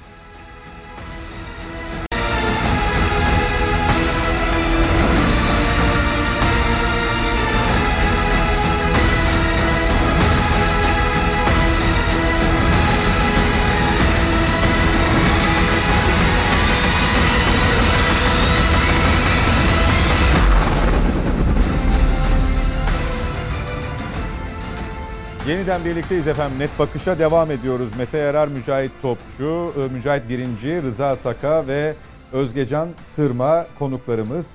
Şimdi İstanbul Sözleşmesi'ni konuşuyorduk. Ee, araya gitmeden önce Mete Yarar'ın bir saptaması vardı. Biz aradayken de bir slogan aslında geliştirdi. Bunu e, yarın öbür gün duyabilirsiniz dedi. Kendisi eğer e, söylenmesine ben onu müsaade, tam cümle olarak söyleyeceğim. müsaade ederse ya da söylerse ben yok, ben bir problem yok. Ben söylememiş olayım yok, ama ben, yok ben söyleyeceğim şunu söyleyeceğim. Bakın e, hayatta önem verdiğim birkaç konu vardır. O da inandıklarımdan bir tanesi bu toplumun başka ülkeler tarafından örselenmesinden nefret ederim. Yani e, kadın haklarını 1950'lerde 1960'larda e, almış Avrupalıların hani bize bize ders verecek hale getirmemek lazım. Ellerine verecek koz olmamak lazım. İki, iki kadınımızı kadınımızı kadın hakkını kadın haklarının kadınların kendisinin konuşması ve kendi sahiplenmesi ve kendi mücadele etmesi gerekir. Ben her zaman bugünlerde eğer kılganlıktan bahsediyorsak, dört bir cepheden bir saldırıdan bahsediyorsak, o zaman bunu e, yalnızca bir hukuk normu olarak değil, aynı zamanda iç mukavemette ekstra bir kavgayı yaratmamak adına doğru yönetmek gerektiğini düşünüyorum. Bu yani ben ben bir güvenlik bak, bu sözün bize bu bize de bir eleştiri getiriyor. Sosyal medyada Yok. fazlasıyla yer almış. Dört erkek bir kadın. Kadını mı konuşuyorsunuz? diye e, ben ben e, ben ben şunu çok da haksız bir, bir sayılmaz. Kadın, ben her defasında ya da bir kadın dört erkeğe bedel. ben şunu söyleyeyim. Bir başka bakış açısı. Bu evet. Bu o yüzden ilk başlangıçta adını öyle koydum. Adını öyle koydum. Yani bu maddenin ne olduğunu bilelim ve bu maddenin içerisinde tartışması gerekenleri bir platformda hale getirin. Benim bakış açım başka bir şey. Bu tartışmayı doğru yapamazsak buradan kazanan çıkmayacağını söylüyorum ben. Kadın hakları anlamında da e, doğru anlatmanın e, gereğine inanıyorum. Doğru anlatamadığımız her şey ne kadar iyi niyetli yapsanız da her zaman size iyi sonuçları olmayabilir. Birçok şey yaşıyoruz. Deminden beri konuştuğumuz, arkadaşlarımızın konuştuğu, bugüne kadar yaşanan birçok e, spekülasyonu konuşuyoruz. Birçok olayı konuşuyoruz. Demin Mücahit anlattı. Dünyadaki e, bir tane kadın bile e, ölmesin. Tabii ki ölmesin. Elbette. Hepimiz onun altına imza atıyoruz.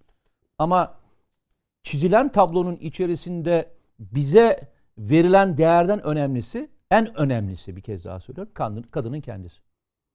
Kadının kendisi, toplumdaki yeri, pozisyonu ve güçlendirilmesi. Yani biz çoğu zaman geldiğimiz soylarımıza, kökenimize baktığımızda biz zaten beraber eşit olarak e, gelen bir topluluğuz. Ergenekon'dan çıkarken de, buraya gelirken de, bu coğrafyaya yerleşirken de seyrettiğimiz bütün o dizilerde, işte yani bugünlerde en çok popüler dizilere baktığınızda kadının ne kadar önemli bir yer aldığını ve ne kadar rahat söz söylenebildiği bir toplumdan geliyoruz. Yani kimsenin bize ders vermesine e, verecek ekstra malzeme vermeyelim. Çünkü sloganlarla yeniliyoruz. Sloganlarla yeniliyoruz. Yarın sabahtan itibaren de söyleyelim.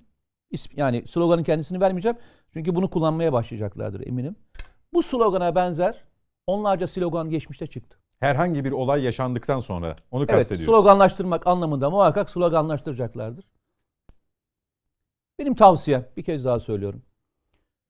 Yapacağımız onlarca mücadele var ve bu mücadeleler öyle ufak tefek falan değil ölçekleri yüksek volümde. Bu noktada ekstra kafa karışıklığına yol açabilecek e, süreçler yaratmamalıyız. Ben kendi adıma söylüyorum. Yaratmamalıyız. Eğer yapacaksak da bu süreçten etkilenecek olan bütün toplulukları oturtturup orada beraber ortak nokta buluncaya kadar da beraber çalıştırmalıyız. Böyle bir süreci beraber yönetebilmeliyiz. Başka türlü şansımız yok. Peki. Bu başlığı kapatmak Birazdan üzereyim. ekonomi geldiğinde Ben- soracağız. Nasıl geldik, nasıl gelmedik mevzusu geleceğiz. İtiraz mı? Kapatacağım biraz. E, süre İtiraz mı daralıyor. ediyorsun? Konu çok e, söylenecekler de fazla farkındayım ama e, süre da kısıtlı. İstanbul Sözleşmesi'ne yavaş yavaş bu bahsi kapatıyorum. Ya, Yo yo yani söyleyeceklerini tamam. söyle. Şimdi şöyle iki perspektif sunmak istiyorum. Bir, e, bu işte kendini feminist olarak ve kadın hakları savunucusu olarak niteleyenlerin e, hangi kadınların hangi kadınlar noktasında bir tercihleri var? Hangi kadın? Hangi kadının hakkını savunuyorlar? Bakın burada çok ciddi bir çifte standart var. Bunu şimdi gözlerine soka soka söyleyeceğim. Nasıl bir çifte standart var? Bir, Karaköy meydanında başörtülü bir e, kardeşimiz tokat yiyor. Bunlar çıt çıkarmadılar. 28 Şubat'ta kadınlar başörtülerinden yerlerde süründürüldü. süründürüldü. Çıt çıkartmadılar bunlar. E şimdi o zaman bunların kadın tercihinde de bir e, şey var, skalaları var kafalarında. Senin kadının Dolayısıyla benim kadınım. samimiyet noktasında itirazım var. AK Partili bir milletvekiline çok aşağılık ifadelerle hücum edildi.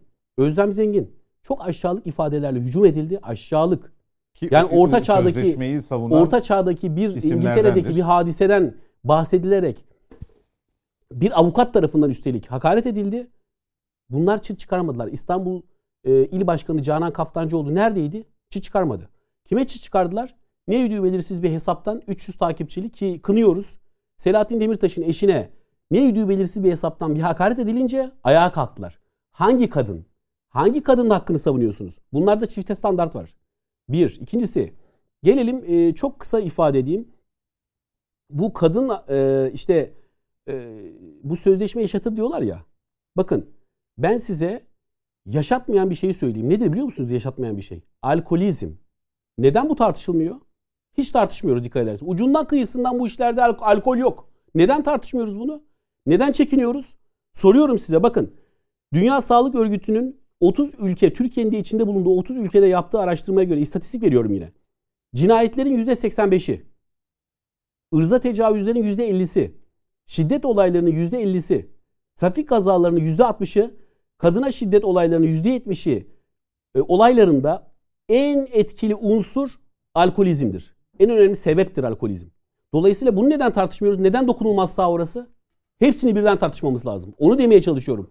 Kanun metinleriyle olmaz. Bir bakış açısına ihtiyacımız var bizim. Alkolizmi de tartışacağız. Uyuşturucu tartışacağız. Kadına şiddet meselesinin içinde hepsi vardır. Bütün problemler vardır. Tamamını tartışacağız. Dolayısıyla bunu iyi yönetmek lazım. Bu sadece metinlerle olmaz. Topyekun mücadeleyi eğer bunu yapacaksak toplumsal kadına karşı şiddetle ilgili yapacaksak o. Ama şunu da konuşmaktan çekinmeyeceğiz. Bak arada söyledik. Çok konuşmaktan çekiniyoruz ya. İşte sınırsız nafakalar. Erkeklerin bazı mağduriyetleri. Niye çekiniyoruz? Çekiniyoruz değil mi bunu konuşmaktan? Ama çekinmeyeceğiz. Çünkü ben meseleye, hadiseye insan olarak bakıyorum kardeşim. İnsan.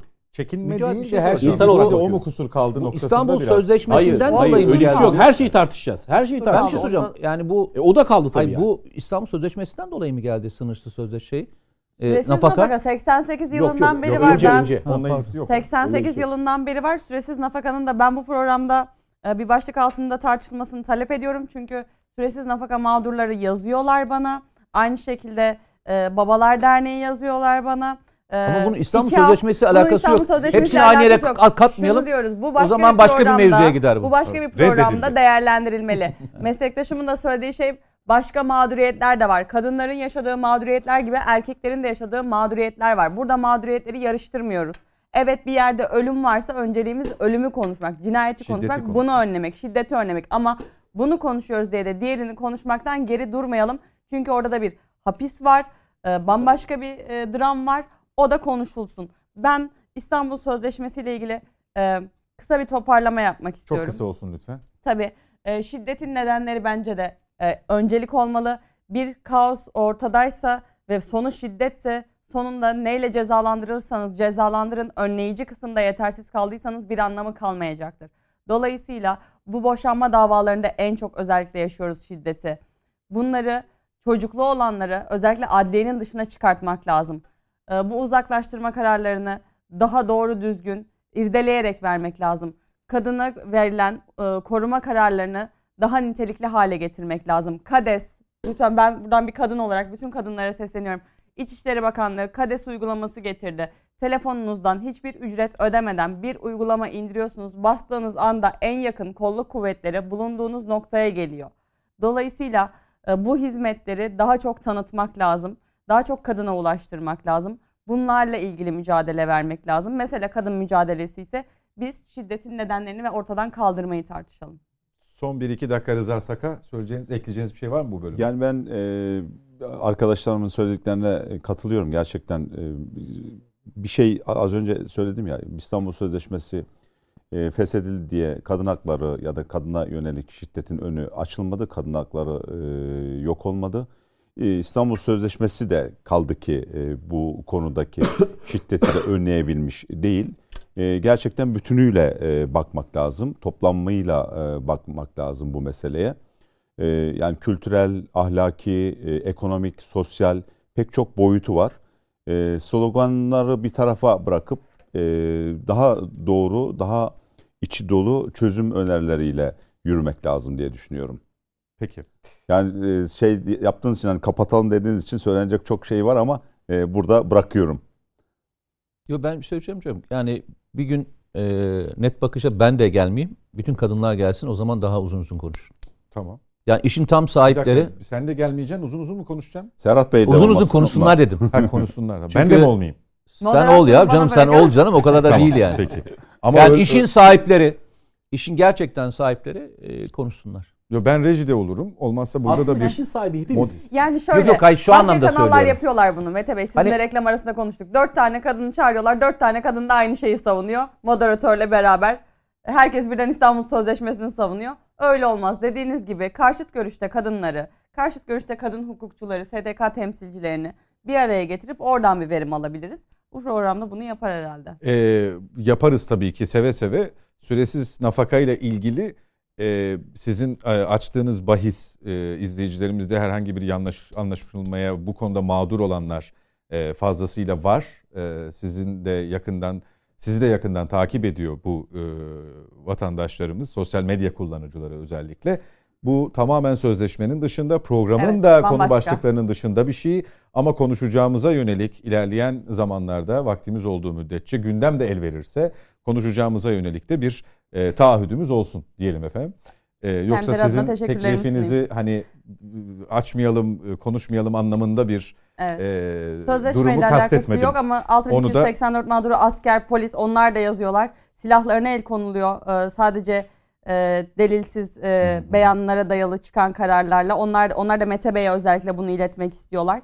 E, Dolayısıyla büyük mağduriyetler var ama e, konu şu an bambaşka bir yerden olduğu için oralara ben e, girmiyorum. Evet efendim sözleşmeden İstanbul Sözleşmesi'nden çekilmek kadına şiddetle mücadeleyi nasıl etkiler kısmıyla kapatmış olduk. Sözleşme varken de yokken de tablonun çok değişmediği ama sözleşmenin bağlayıcılığının olduğu taraflardan istifade edebildiği, edilebildiği kadar edilebildiği kanaati hasıl oldu. Konuyu HDP'nin kapatılması davasına getirebiliriz Mücahit Bey. Şimdi e, dava açılır açılmaz tabii öncesinde verilen beyanlar, Sayın Bahçeli'nin açıklamaları, e, onunla ilgili bir zamanlama hatırlatmaları e, çokça yapıldı. E, hem partiler arasında hem toplumda geniş bir yankı uyandırdı. Tartışılmaya devam ediyor. Son olarak Anayasa Mahkemesi raportörü de görevlendirdi. Süreç başlamış oldu. Nasıl ilerleyecek? Daha önceki örneklerinde olduğu gibi biz bunu biraz biliyoruz, hatırlıyoruz aslında ama HDP'ye tam anlamıyla neden kapatma davası açıldı? Bunu e, Twitter'da daha önce çıktığınız televizyon programlarında ziyadesiyle açıkladınız. E, fakat tartışma ısrarla terör, terörün odağı kısmından uzaklaştırılıp e, ortada bir siyasi parti var. Geçmişte yaşanan e, mağduriyetler hatırlatması yapılıp e, AK Parti'ye de de göndermede bulunuluyor. Ne dersiniz? Ee, öncelikle şunu söyleyeyim. Ben e, benim görüşüm bu noktada istikrarlıdır. Yani e, senelerce o görüşü savundum. E, demokrasinin bu şekilde böyle bir partiyle, terörle iltisakı olan bir partiyle yürütülemeyeceği gerek yürütülemeyeceğini her zaman söyledim. yürütülmez. Bu demokrasi değildir. Arkanızda silahlı bir güçle siz e, siyasi faaliyet alanını daraltarak diğer partilere haksız rekabet oluşturacak şekilde bakın kimsenin arkasında silahlı güç yok ki ya. AK Partisi, CHP'si gidiyorlar orada e, propagandasını, yasal resmi propagandası neyse yasal propagandası düzeye uygun şekilde yapıyorlar. İyi Parti, MHP aynı şekilde. Ama bunlarda ne var? Seçim sandıklarını baskılayacak kadar orada e, terör faaliyetine bulaşmış bunlar. Bu bir terör faaliyetidir. Terör faaliyetinin uzantısı demek bile bana e, biraz e, garip geliyor. Çünkü burada ben iç içe geçmişlik görüyorum. İç içe geçmişlik var. Benim tabirim odur. Çünkü bunlar PKK'nın silahını bagajında taşıyan insanlardır. Yakalanmış insanlardır bunlar. PKK'nın silahını bagajında taşırken yakalanmış insanlardır. Veya Eruh ruhunu öven, Selahattin Demirtaş'ın yaptığı gibi o Eruh ruhunu öven 1983 veya 84 olması lazım. Eruh'ta yapılan baskını ve orada bir bebeğin nasıl katledildiğini hepimiz biliyoruz. Anılarımız daha taze. O ruhu öven bir yapıdan bahsediyoruz. 6-8 Ekim olaylarında e, sahayı kışkırtan hem de bakın tüzel kişi olarak sahayı kış, kışkırtan MYK kararı ile bunu yapan Parti bir olarak. partiden bahsediyoruz. Dolayısıyla bunun işte her zaman söyledim acaba işte Türkiye Türkiye'leşir mi falan gibi e, romantik söylemlerin gerçek olmayacağı çünkü bunun zaten Selahattin Demirtaş tarafından ifade edildiği bunun terörist başı Abdullah Öcalan'ın bir stratejisi ve beyninin ürünü olduğu bu siyasi partinin açıkça deklare ediyorlar. Bunlarda çekilme falan yok ki bu, bu noktada. Yani e, dolayısıyla HDP'nin kapatılması noktasında yeterli deliller oluşmuş mudur derseniz oluşmuştur derim. Bakın e, bir de bunu siyasi bir iş olduğu kanaatini savunan hukukçu arkadaşlarım var. Ey hukukçu kardeşlerim bak size söylüyorum. Bu hukuki bir fiildir ama siyasi sonuçları olur ve olacaktır. İkisini birbirine karıştırmayın. Bu hukuki bir tasarruftur, fiildir şu andaki. Kaçınılmazdır Cumhuriyet... zaten o da. Kaçınılmazdır o da zaten. Elbette siyasi dünyanın her tarafında böyle. Yeni bir şey değil ki ya. Yani dünyanın her tarafında bu tür e, bir hareketi yapması için bir savcının, başsavcının bu hareketi yapması için bir siyasi iradenin olması elzemdir. Toplumsal bir hassasiyetin olması elzemdir. Ya bu insanlar Mars'tan gelmiyorlar ki bu ülkenin evlatları bu ülkede yaşıyorlar. Savcısı, hakimi bu ülkede işte. Bakkaldan alışveriş yapıyorlar. Manava gidiyorlar bu insanlar. Televizyon seyrediyorlar. Bizleri seyrediyorlar. Dolayısıyla bu noktada iş hukuki e, değil denmez. İş hukukidir. Yargıtay Cumhuriyet Başsavcısının iddianamesini tamamını okudum. Hakikaten e, zor bir süreçti ama hafta sonunda okudum. Niye okudum? Çünkü ne üzerinde konuştuğumuzu bilmemiz lazım ilk önce. Yargıtay Cumhuriyet Başsavcısı e, çok ciddi bir şekilde hukuki ve Avrupa İnsan Hakları Mahkemesi kararlarına atıf yaparak, uluslararası sözleşmelere atıf yaparak, bizim anayasamıza atıf yaparak, HDP'nin fiillerine yaptığı tek tek fiilleri ortaya dökerek, bireylerin 600 küsür tane HDP'li yöneticinin işte siyasi yasaklı olmasını talep ediyor Cumhuriyet Başsavcısı. Onlara onlar hakkında yapılan soruşturmaların tek tek üşenmeden tek tek zikrederek çok e, isabetli, güzel ve güçlü bir iddianame hazırlamış. Bakın ben buradan söylüyorum. İddianame hakikaten e, kuvvetli bir iddianame ve iddianame kapatılmaya yönelik bir iddianame. Açıkça söyleyeyim. Şimdi iddianameyi biz hukukçular koklarız ya ne talep ediliyor diye. Evet kapatılmaya yönelik bir iddianame. Yani o iddianameden hazine yardımının kesilmesi çıkmaz üstad. Onu söyleyeyim. Hazine yardımının kesilmesi falan çıkmaz. O iddianameden kapatma çıkar. Öyle delilli ki bakın daha yeni Esenyurt ilçe başkanlıklarında bölücü başının Poster. posterleri orada asılı. Ya gidiyor Esenyurt Belediye Başkanı da gidiyor ziyaret ediyor onu ya. Küçük çekmecede bunlar bakın küçük çekmecede bunlar YPG'nin bilmem ne bayrağını, paçavrasını, YPG'nin paçavrasını karar, evet. e, orada çocuk bahçesine, parkına serecek kadar izan kaybetmişler bunlar. Dolayısıyla bu tür hadiseler işte Gara'daki operasyonda mesela Gara'da şehit edilen kardeşlerimiz, vatandaşlarımız hakkında ne dediler bunlar? Pervin Buldan ne dedi? İşte arkadaşlar dedi bir iki gün misafir edilecek bırakılacaklar dedi. O, onun hakkında da soruşturma açıldı. Dolayısıyla böyle bir yapıdan bahsediyoruz. Bakın her fırsatta bölücü başını ululayan, her fırsatta Kandil ululayan bir sürü beyanları var. Bakın bir kişi de değil bu partide. Sistematik hale gelmiş. Dolayısıyla HDP terörle iç içedir. Yani HDP PKK ile iç içedir. Reddetmiyorlar da bunu. Şimdi bir demokrasi bu şekilde işleyebilir mi? Yürüyebilir mi? Mesela düşünün e, bu Nasyonel Sosyalist Parti nasıl iktidara geldi 1930'larda? E, arkasındaki kendi ifadeleriyle milis kuvvetleri tarafından, SS taburları tarafından toplum baskılanarak, siyaset baskılanarak, alan kazanarak iktidara geldiler. Dolayısıyla Almanya ne yaptı? Nasyonel Sosyalist Parti'yi bir daha kurabilir misiniz Almanya'da? Kuramazsınız. Bu demokrasi miydi? Nasyonel Sosyalist Parti'nin iktidara geldiği ortam demokrasi miydi? En azından mücadeleci demokrasi değildi. Yani demokrasi salmış kendisini. Kurum ve kurallar yok. İktidara gelme yolu buldular. Oysa işte tam demokrasi budur. Demokrasi kendisini savunan bir sistem olmak zorundadır. Aksi takdirde bütün rüzgarlara açık olur. Demokrasi sistemi falan kalmaz. Anayasal düzen kalmaz. Dolayısıyla HDP'nin burada kapatılmasına yönelik iddianame tanzim edilmiş ve Anayasa Mahkemesi'ne dava açılmıştır. Süreç ne olacak? Şimdi Anayasa Mahkemesi bir duruşma şeklinde iş yürütecek. İlk önce raportöre gider. Ondan sonra raportör raporunu yazar. Anayasa Mahkemesi duruşma açar. HDP'nin avukatları savunma yapar. Ee, savcı, Cumhuriyet Başsavcısını temsil eden vekiller orada e, tezlerini ortaya koyarlar. Dolayısıyla bir karar verir Anayasa Mahkemesi. Ama mesela bazen şey söyleniyor. Anayasa Mahkemesi'nin yetkisinde midir? Hazine yardımından e, muaf tutulmak yetkisinde midir? Evet yetkisindedir. Takdir yetkisidir bu. Ama benim kanaatim bu halde bu iktifa etmez. Kapat kapatma diyorsunuz. Kapatma direkt. olması gerekir. İktifa etmez. Benim kişisel kanaatimdir bu. E, beni bağlar bu bu sözüm. İddianameden çıkardığınız. Çıkardığım odur ve gözlemlerimden çıkarttığım odur. Ya balkondan aşağı çocuğu atıyorsun, arabayla üzerinden geçiyorsun, yetmedi bir de bıçaklıyorsun ya. Bilmem kaç tane Atatürk büstünü e, yakıyorsun, Türk bayraklarını yakıyorsun, 51 vatandaşımızı katlediyorsun. Nasıl olacak bu iş? Demokrasi mi bu? Onların yaşama özgürlüğü, yaşama hakları yok muydu? Demokrasiden bahsediyorsunuz. Dolayısıyla e, benim kanaatim kapatma için yeteri delil, klasörler dolusu delili vardır. E, diyorlar ki hani bunun şey ne olacak? Hani bu çözüm mü? Denilebilir bu siyaseten.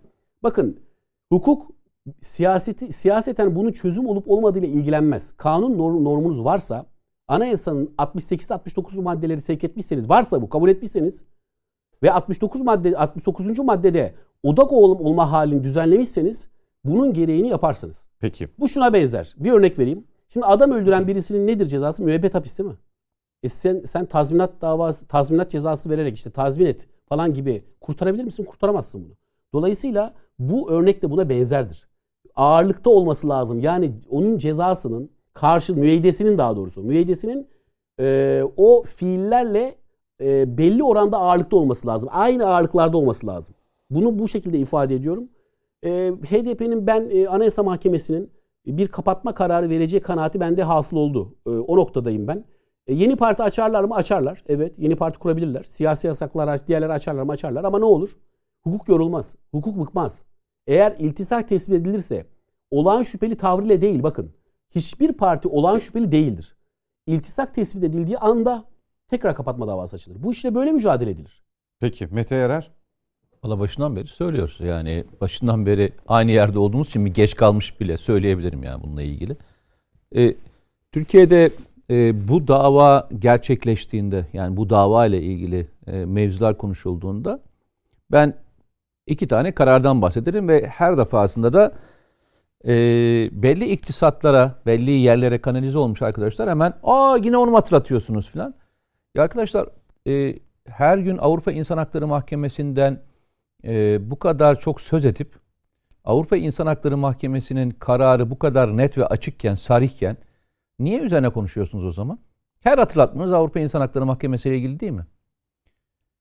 Herhalde ben özellikle şunu istiyorum. Yani bu davanın Avrupa İnsan Hakları Mahkemesi'ne kadar gitmesini yani sürecin sonunun Avrupa İnsan Hakları Mahkemesi olmasını istiyorum. Ve Avrupa İnsan Hakları Mahkemesi önüne gelen dosyanın arkasından yazılı olarak da beyan vermesini istiyorum. Ne diyecek acaba? Yani Türkiye'de birçok kişinin ilginç bir soru Mücahit Birinci. Yo ben sana söyleyeyim hiçbir şey diyemez. Çünkü eğer derse bugüne kadar söylemiş oldukların tamamını inkar, inkar etmiş, inkar olur. etmesi Aslında gerekir. bir nevi varlığını inkar etmiş Varlığını olur inkar etmiş olur tamam mı? Yani adama inkar e, sen adama laf söylememeyi veya onunla ilgili e, yani terör örgütü dememeyi iktisat kabul ettiğim bir yerde ya biz e, PKK övücülüğünden propagandası yapmaktan eylem yapmasından diğer söylemlerinden alt alta koyduğunda başka bir boyuta geçmiş durumdayız. Bu kadara kadar gelinmemesi gerektiğini savunanlardanım ben. Yani, yani dava önce mi açılmalıydı diyorsun? Çok daha önce açılmalıydı. Çok daha önce açılmalıydı. Çünkü Yargıtay Başsavcısı ne diyor? İlk başlangıcı ne? Batasuna kararını söylüyor. Batasuna kararı ile ilgili ilk maddeyi koymuş. Diyor ki örgütle ki biz ilgili... Batasuna'yı burada ezberledik. Kaç, kaç kere konuşuyoruzdur yani. Ama şimdi Şiddeti kınamaması. Eğer eğer evet, evet. onu kriter alıyorsak ben bir şey söyleyeyim ilk Sadece yapalım. kınamaması bile diye hatta doğru, ifadeyi doğru, doğru. o şekilde. İşte öyle Yargıtay Başsavcısı oraya yazmış onu. Eğer oysa arkadaş ilk günden yapmalıydık. Ama Avrupa Birliği'nin çifte standartını izleyeceksiniz şimdi. Hiç fark etmez. Ben özellikle zaten. gitmesini istiyorum. Herkes tartışsın çünkü eteklerinizdeki bazı şeyleri dökebilmek için tartışılması gerektir gerektirecek çünkü. Ve inan onlar bile buradan sıyıracak bir şey bulamayacaklar bak. Bu kadar net. Hukukçu gözüyle baktı. Ben bir güvenlikçi e, gözüyle bakayım. Hep öyle diyorlar çünkü biz baktığımız güvenlikçi gözüyle bakıyoruz. Arkadaş Yok senin için söylemiyorum. Bazen e, arkadaşların e, hep çünkü öyleler. Güvenlikçi bakış açısıyla ne? bakıyorsunuz falan diyorlar ya. Hayır ne göz varmış sende de diyebilirler sonra. Yani, yani öyle. Bey içimi okuyor beni. Sen ne değil. Buradaki tek mevzu şu. Can. Can değil mi? Can. Bu ülkede PKK terör örgütü terör örgütü dünyada PKK terör örgütü terör örgütü değil mi? Yani yalnızca Türkiye'de mi PKK terör örgütü? Hayır dünyanın NATO tarafından da Avrupa Birliği tarafından da ABD tarafından da terör örgütü listesinde yer alan bir gruptan bahsediyoruz. Doğru. Tamam mı? Evrensel bir terörden bahsediyoruz. Yani şöyle bir şey söyleme şansları da olmayacak. Hani PKK terör örgütü mü değil mi? Yani PKK terör örgütü tartışılır tartışılmaz hikayesine girecek kimsenin durumu da yok. İllegal bir yapılanma, illegal ayrıkçı bir örgütten bahsediyoruz. Batasuna'nın kararındakiyle bunu karşılaştıramazsınız bile. Bununla İRA'yı bile karşılaştıramazsınız.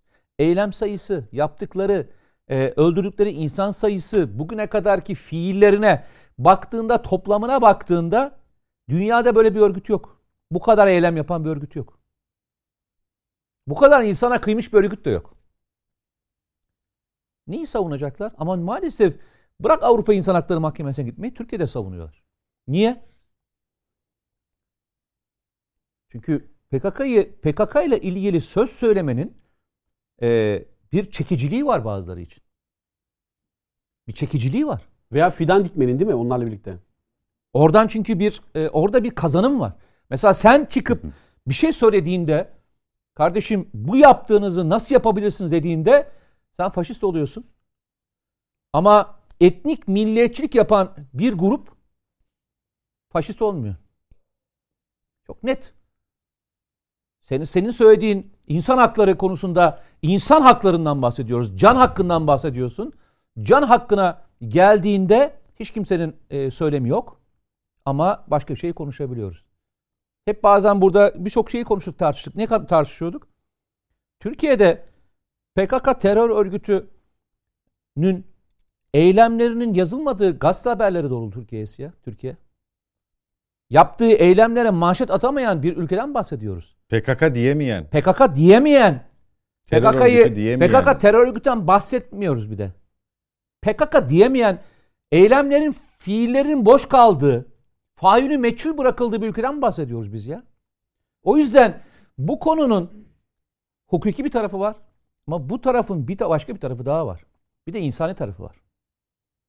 Bize tutuşan bir tarafı var.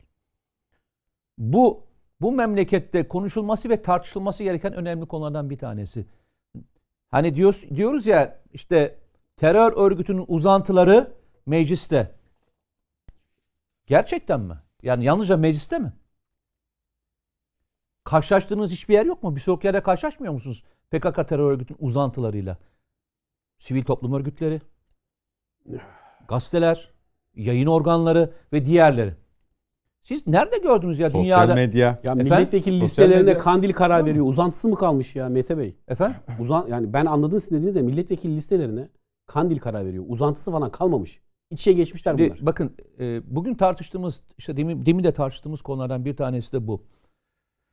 İşin hukuki tarafı var. Mücahit çok güzel söyledi. Bunun muhakkak siyasi sonuçları var. Ama yalnızca siyasi sonuçlar ötesi de başka bir şey daha var. Vicdani sonuçlar da var.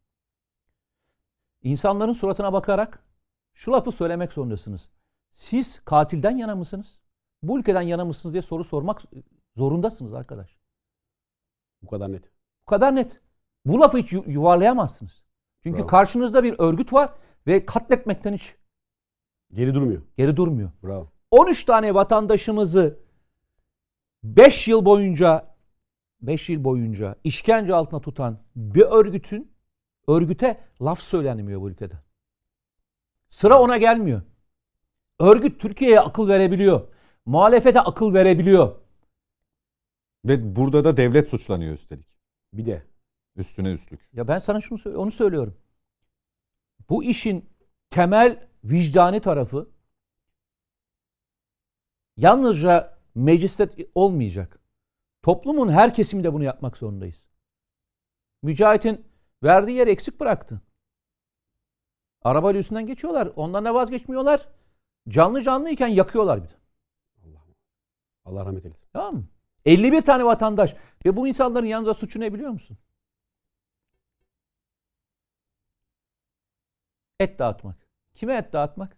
Kestikleri adak hayvanlarının Kurban Bayramı. Kurban Bayramı'nda Kurban, Kurban Bayramı'nda et dağıtmak. Yalnızca suçları ne? Muhafazakar, dini bütün insan Mütedeyyin olmaları. evet. Başka hiçbir suçları yok. Annesi beninden tanıyor ya. Ayağındaki beninden teşhis edebiliyor çocuğu. Bu kadar. 51 tane insan.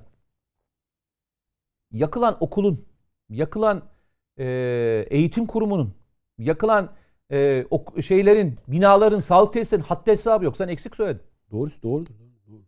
Yalnızca zararı söyleyeyim ben size. Hani insandan geçtim. Eğitim kurumlarını yaktılar. Eğitim kurumlarını yaktı. Okullar yandı. Yanan okulun haddi hesabı yok şeyde. Kobane olaylarında. Ama karşınıza geldiğinizde şöyle bir örgütle karşı karşıyasınız. Onu savunanlar da demokrat, insan hakları, Özgürlük. özgürlükçü, eğitimci, her türlü özgürlüğe mesafeli, herkesi kucaklayan bir örgütle karşı karşıyayız. Böyle tanıtılıyor. Ve konuşurken de şöyle hissediyorsunuz ha konuşurken. Hani demin dediniz ya konuş. Hani içinizde bir şey olsa, korku olsa endişe edersiniz ha. Ya arkadaşlar gerçekten demokrat falan diye düşünürsünüz yani. Demokrat diye falan düşünürsünüz.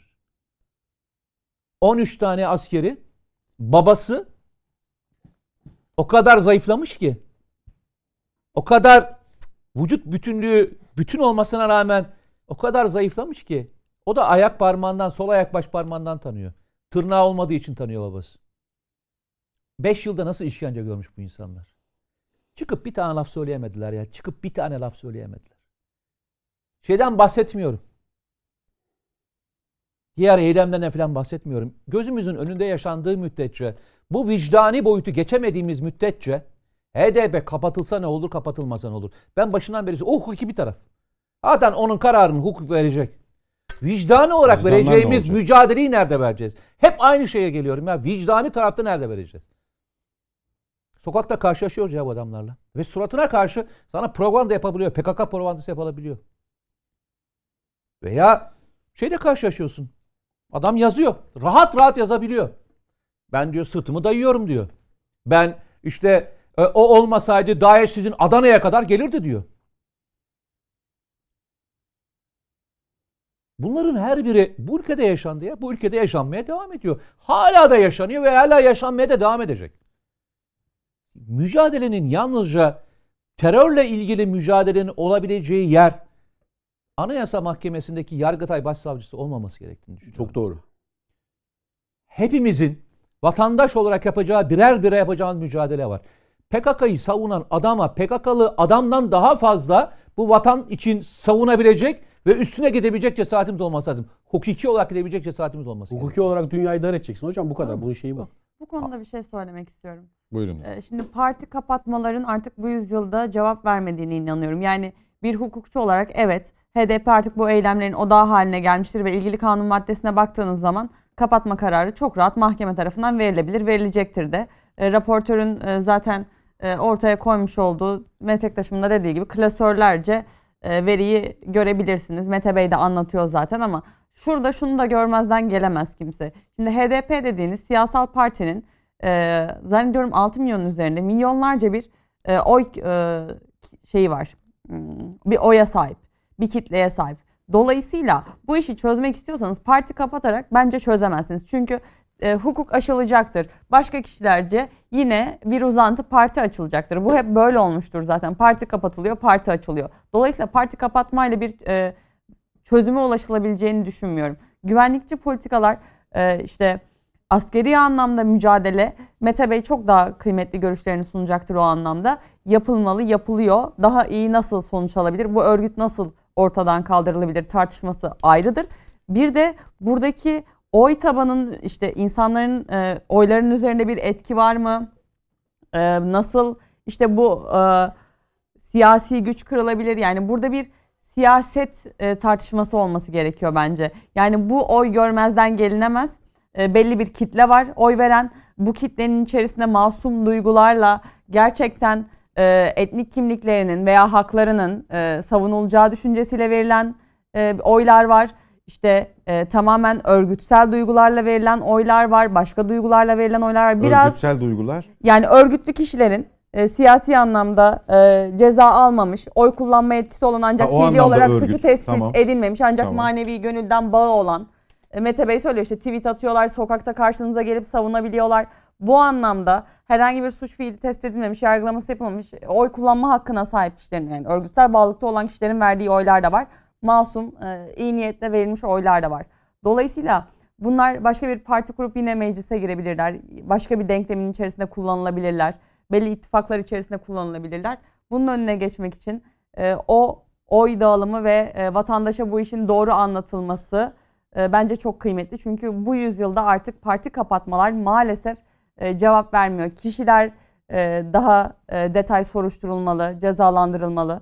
E, bunların yolu açılmalı. Siyaset yasaklamaları konuşulabilir ama bu kapatma zihniyetinin ben artık sonuç vermediğini düşünüyorum ama tabii ki de kanun metni anlamında evet e, kapatma kararı gelmelidir. Mücahit Bey'in bir itirazı var zannediyorum ama evet, Rıza Bey hiç konuşmadı. Hı-hı. Çok kısa olursa Tamam çok kısa sevinirim. hemen. Kusura bakmayın üstadım. Şimdi e, değerli meslektaşımın şu sözüne katılamıyorum tabii. Şu ifadelerine daha doğrusu. Niye katılmıyorum? Şundan.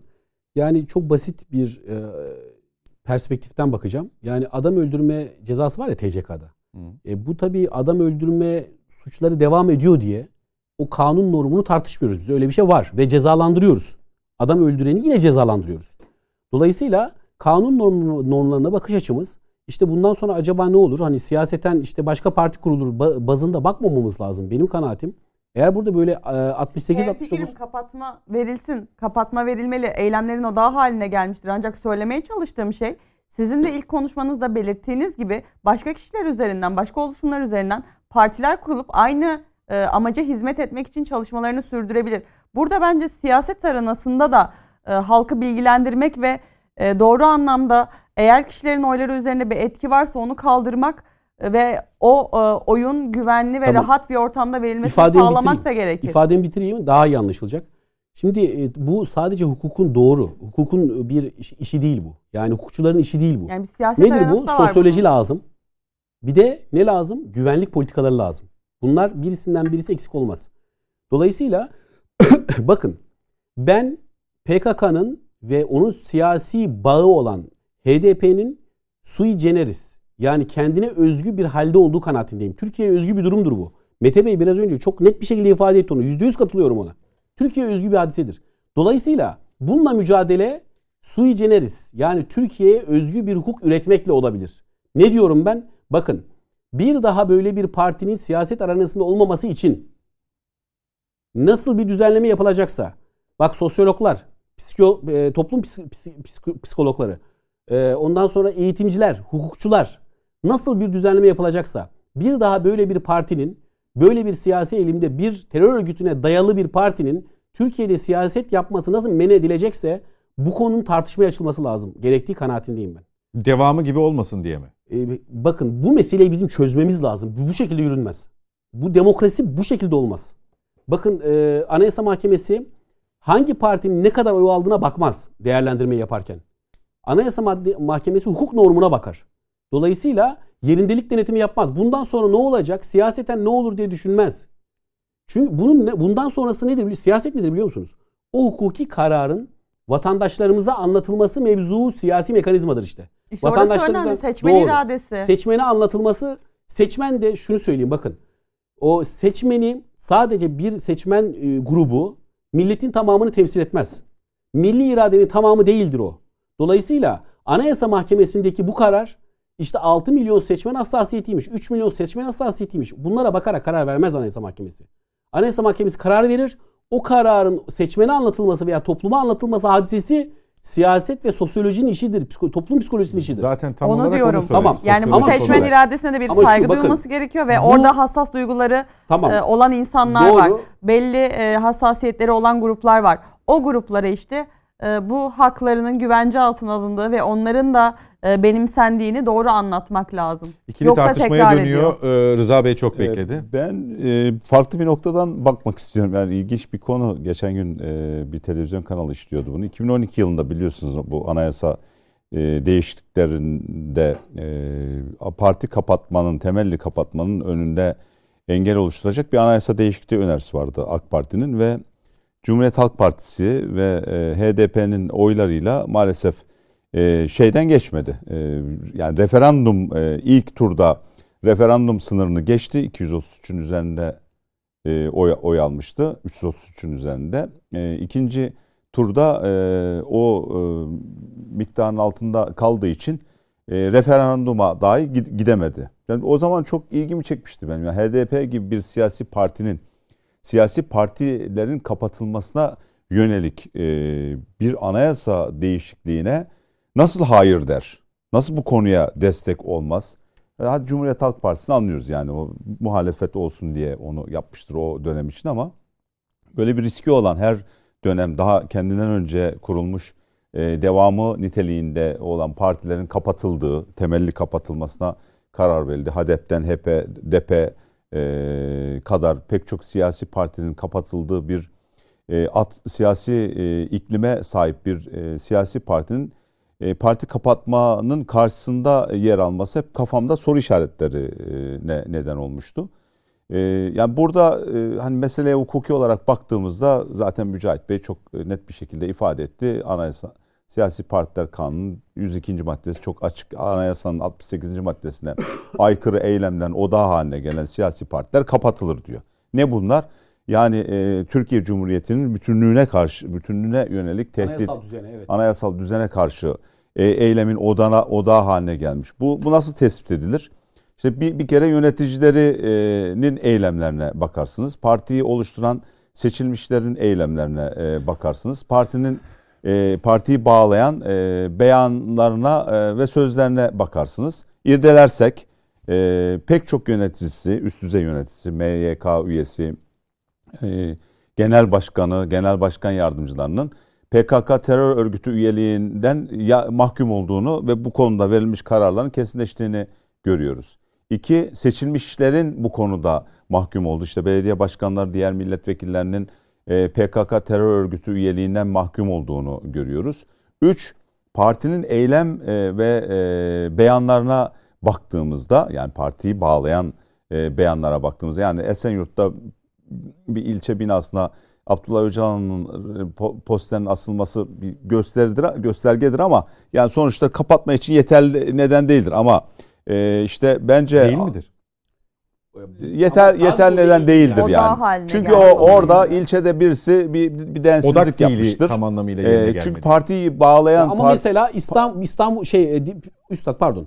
Diyarbakır İl Başkanlığı'nda daha kaçırılan çocukların listesi pe- e, polis tarafından bulunursa ve 6-8 Ekim olaylarını kışkırtan parti tüzel kişilik olarak sizseniz işte bu ek O delillerle beraber tabii onun, anlaşılırsa. onun beraber hepsi birlikte toplanır eder. bunlar tabii doğal olarak. Tabii, partisel Şimdi Doğru, önce doğru e, HDP'nin kapatılmasında bardağı taşıran nokta e, Gara e, katliamı sonrasında e, PKK'nın bas pardon e, HDP'nin e, PKK'nın ve HDP'nin farklı olmadığı için insan e, doğal olarak benzer so- e, e, ifadeler çıkıyor ağzından.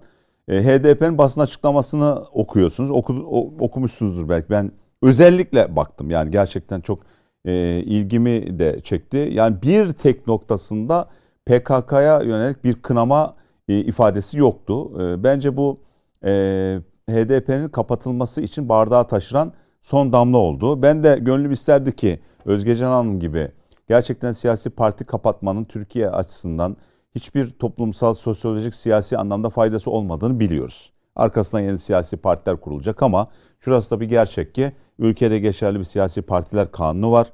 102. maddesi var.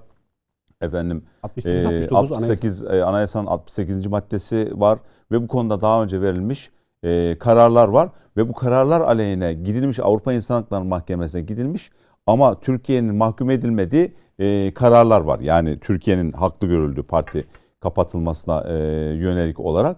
Bu e, itibarla e, bakıldığında üzülerek söyleyelim ki bir işe yaramayacak olsa da e, parti kapatma e, davası ka, ile karşı karşıyayız.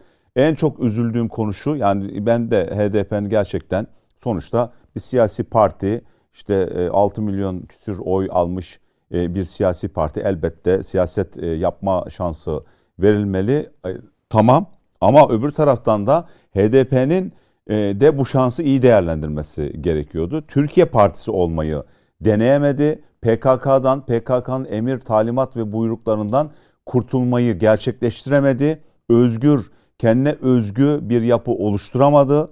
E, PKK'nın boyunduruğu altında gitmekten bir adım ileriye gidemedi. Yani hani e, Demirtaş bir böyle e, lider olarak ortaya çıktı. Hatta Cumhurbaşkanlığı seçimlerindeki adaylığı Türkiye e, söylemi e, olumlu bir e, puan almıştı. Hatta Türkiye'de pek çok kesimden oy almıştı aslında o dönemde. Türklerden, Kürtlerden, e, Karadeniz'den, Doğu'dan, Batı'dan.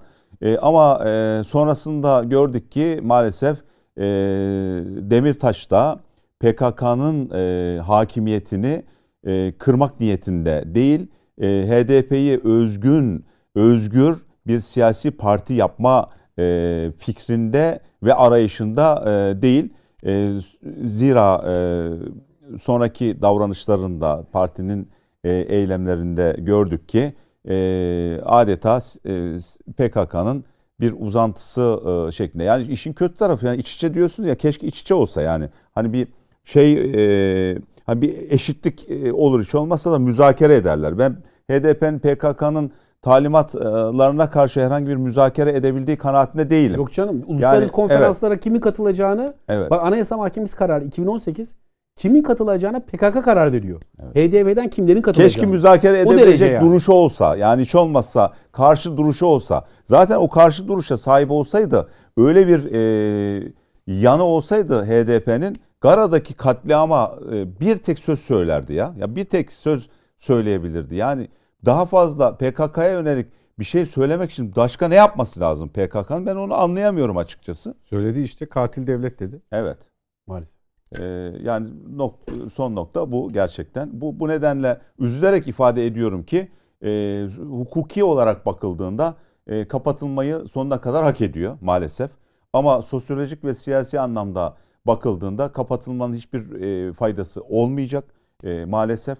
Çünkü yani bu bu, bu mücadele e, yani parti kapatmayla Cumhuriyet Başsavcısının ya da Anayasa Mahkemesi'nin yapacağı bir mücadele değil. Ama öbür taraftan şunu da gönül rahatlığıyla söyleyeyim ki hakikaten e, son birkaç yıldır, e, yani 3-4 yıldır e, PKK'ya yönelik Türkiye Cumhuriyeti gerçekten çok önemli, çok e, etkili e, bir e, duruş sergiledi. PKK adeta yok olma e, noktasına geldi. Irak'ta, Suriye'de e, ve hatta Avrupa'da e, yani odaklandığı, çöreklendiği yerlerde bugün e, PKK yok olma noktasına gelmiş durumda.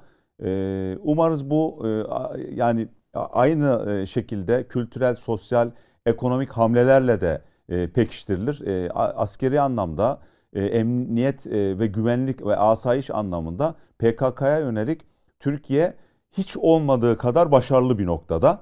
E, bu e, eğer sosyal, kültürel, ekonomik anlamda e, yani geçmiş dönemin e, hatalarının tekrarlanmadığı, e, çünkü PKK'nın da oluşmasının bir zemini var. Ama şunu unutmayalım ki PKK sonuç itibariyle PKK, YPG e, yerli e, ve e, yani P, Kürtlere, e, Kürtlerin haklarına yönelik kurulmuş bir e, organizasyon, bir terör örgütü değildir. Tamamıyla e, batılı güçlerin ya da Türkiye'yi zayıflatmak isteyen e, güçlerin e, oyuncağı olan bir e, enstrümandır. Bunu çok Özgecan Hanım'ın gördük. endişesine katılıyor musunuz?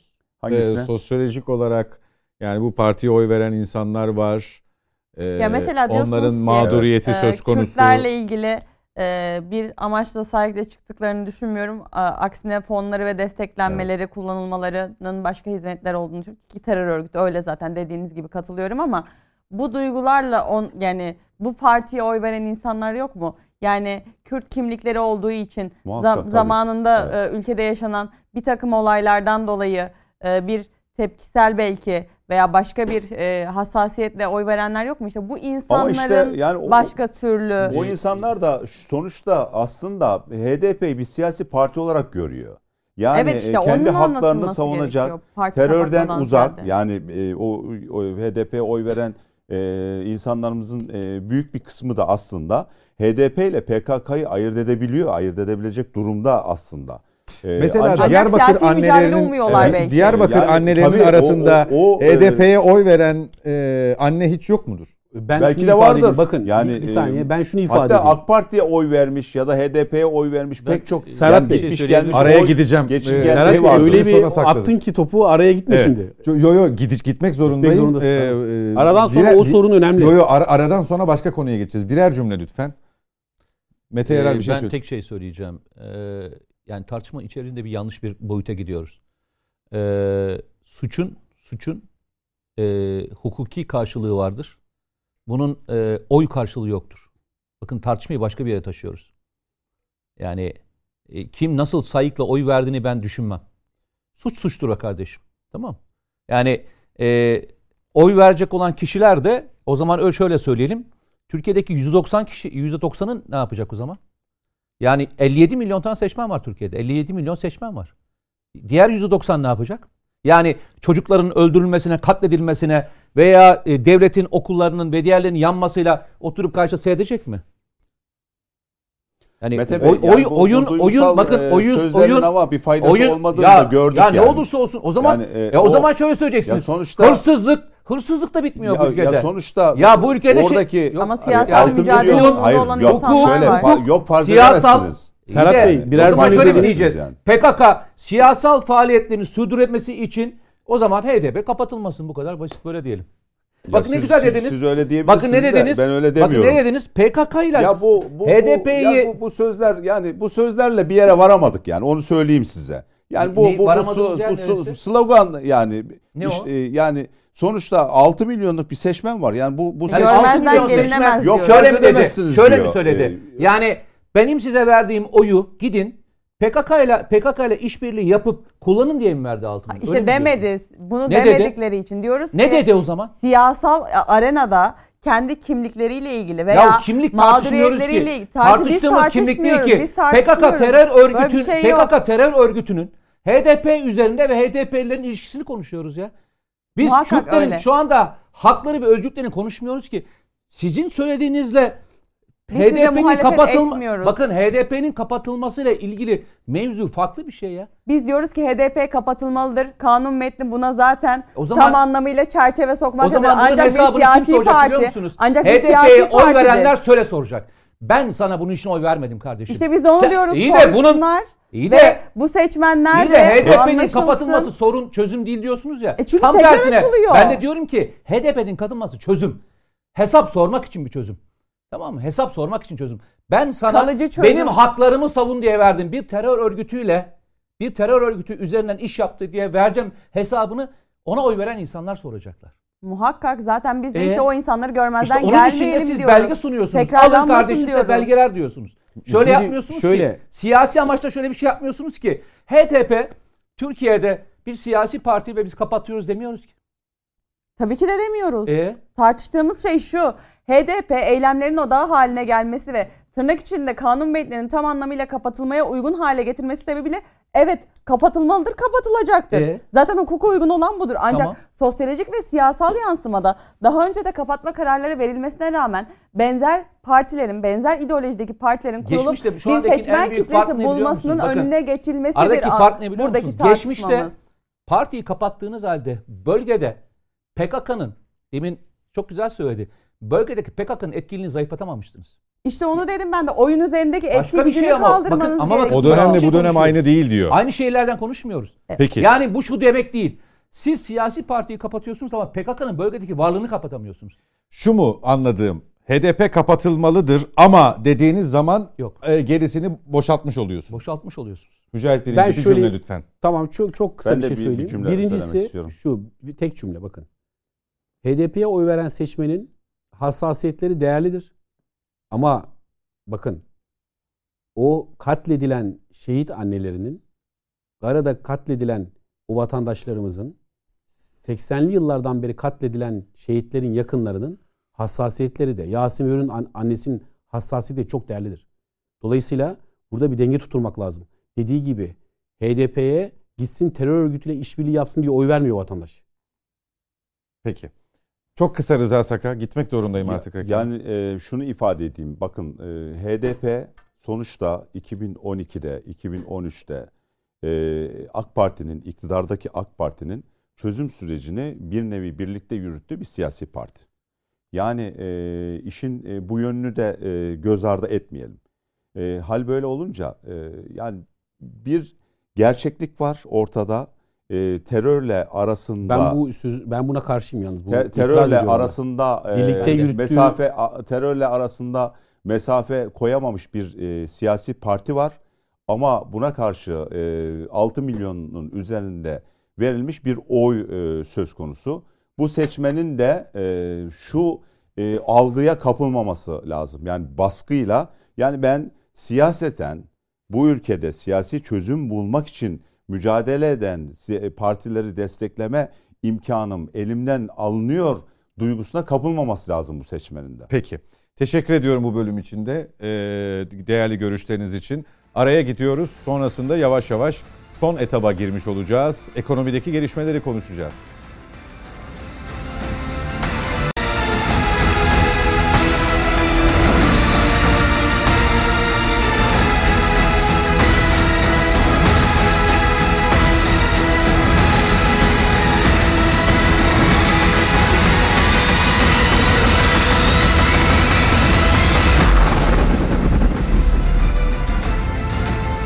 Yeniden birlikteyiz efendim. Net bakışta son etaba girdik. Yavaş yavaş toparlayacağız. Ekonomi başlığını açıyoruz şimdi. Ekonomide neler oluyor? Neler olduğunu dün akşam itibariyle çok da anlayamadık.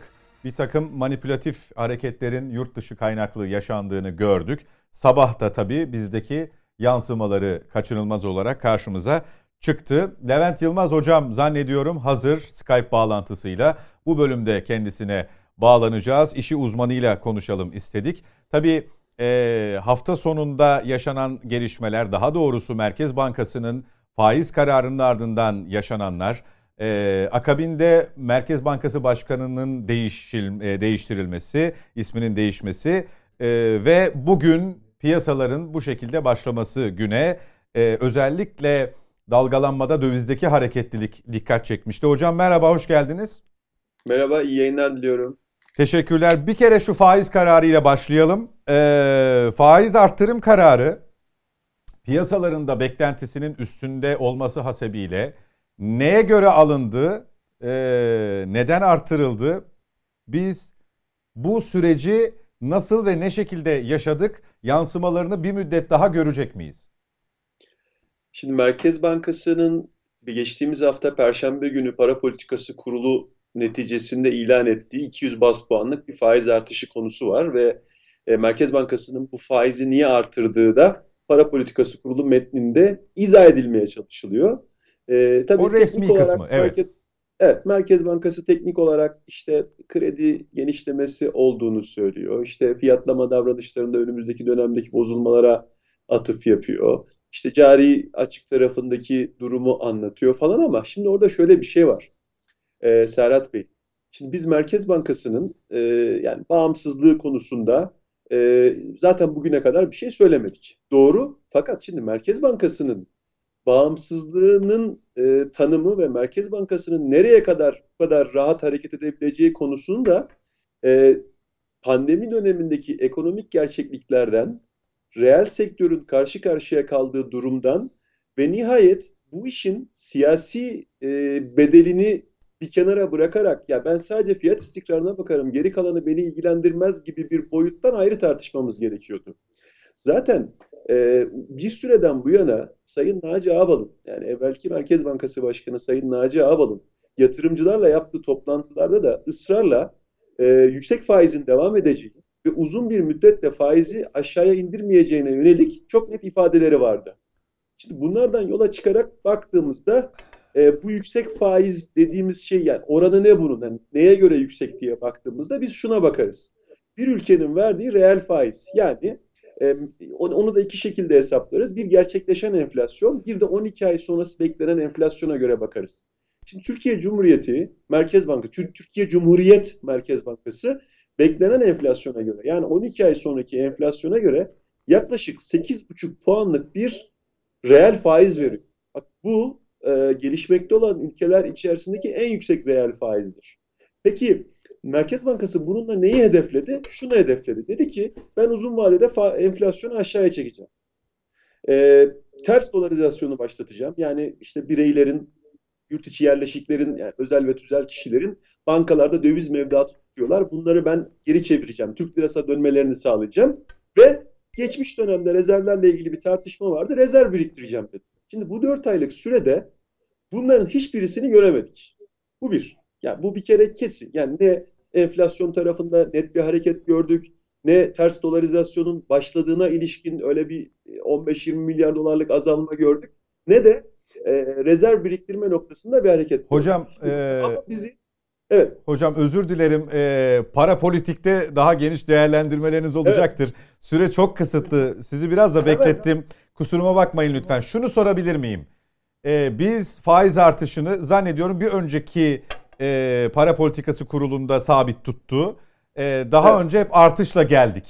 Ama Gö- orada da şunu söyledi Serhat Bey. Uzun bir müddet faizi indirmeyeceğim dedi. O da en az 150 puanlık faiz artışı demek. Evet ya yani o mesajı da vermişti zaten. Dolayısıyla o artış da mı e, sizin söyledikleriniz, yorumlarınız çerçevesinde olmaması gereken bir artıştı? O artışlar da.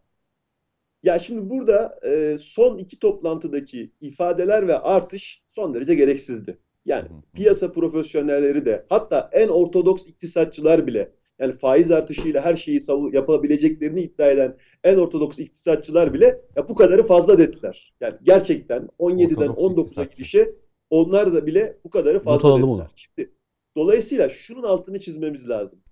Ee, pandemi dönemindeyiz. Ekonomik gerçeklikler var. Bakın esnaf, yani bazı esnaflar bazı illerde, sokaklarda sandalye, masa yaktılar.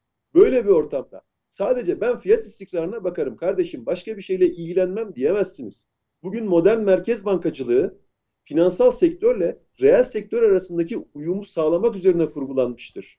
Reel sektör hiç yokmuş gibi davranamazsınız. Reel sektör, istihdam, üretim, ihracat yokmuş gibi davranamazsınız. Bugün geldiğimiz noktada Merkez Bankası şunu tercih etti e, reel sektörü, üretimi, ihracatı, e, istihdamı önceleyen değil, paradan para kazandıran, finans sektörünün öncelikleri olan yüksek reel faiz, bizim carry trade dediğimiz, yurt dışından gelen sıcak paranın içeride çok ciddi döviz e, karşılığında, oranlarda kazanıp çıkmasına yönelik bir sıcak para politikası takip etti. Örnek vereyim, Kasım 2020'de Türkiye'ye gelen 1000 dolar, Şubat 2021'in sonunda dolar bazında %23 getiriyle 1230 dolar olarak çıktı. Şimdi böylesi bir ortamda şundan şundan söz edemeyiz. Ya bunun adı işte ya biz işte ortodoks politika uyguluyoruz. Merkez bankaları bunu yapmak zorundadırlarla izahının ötesine geçen bir durum oluştu.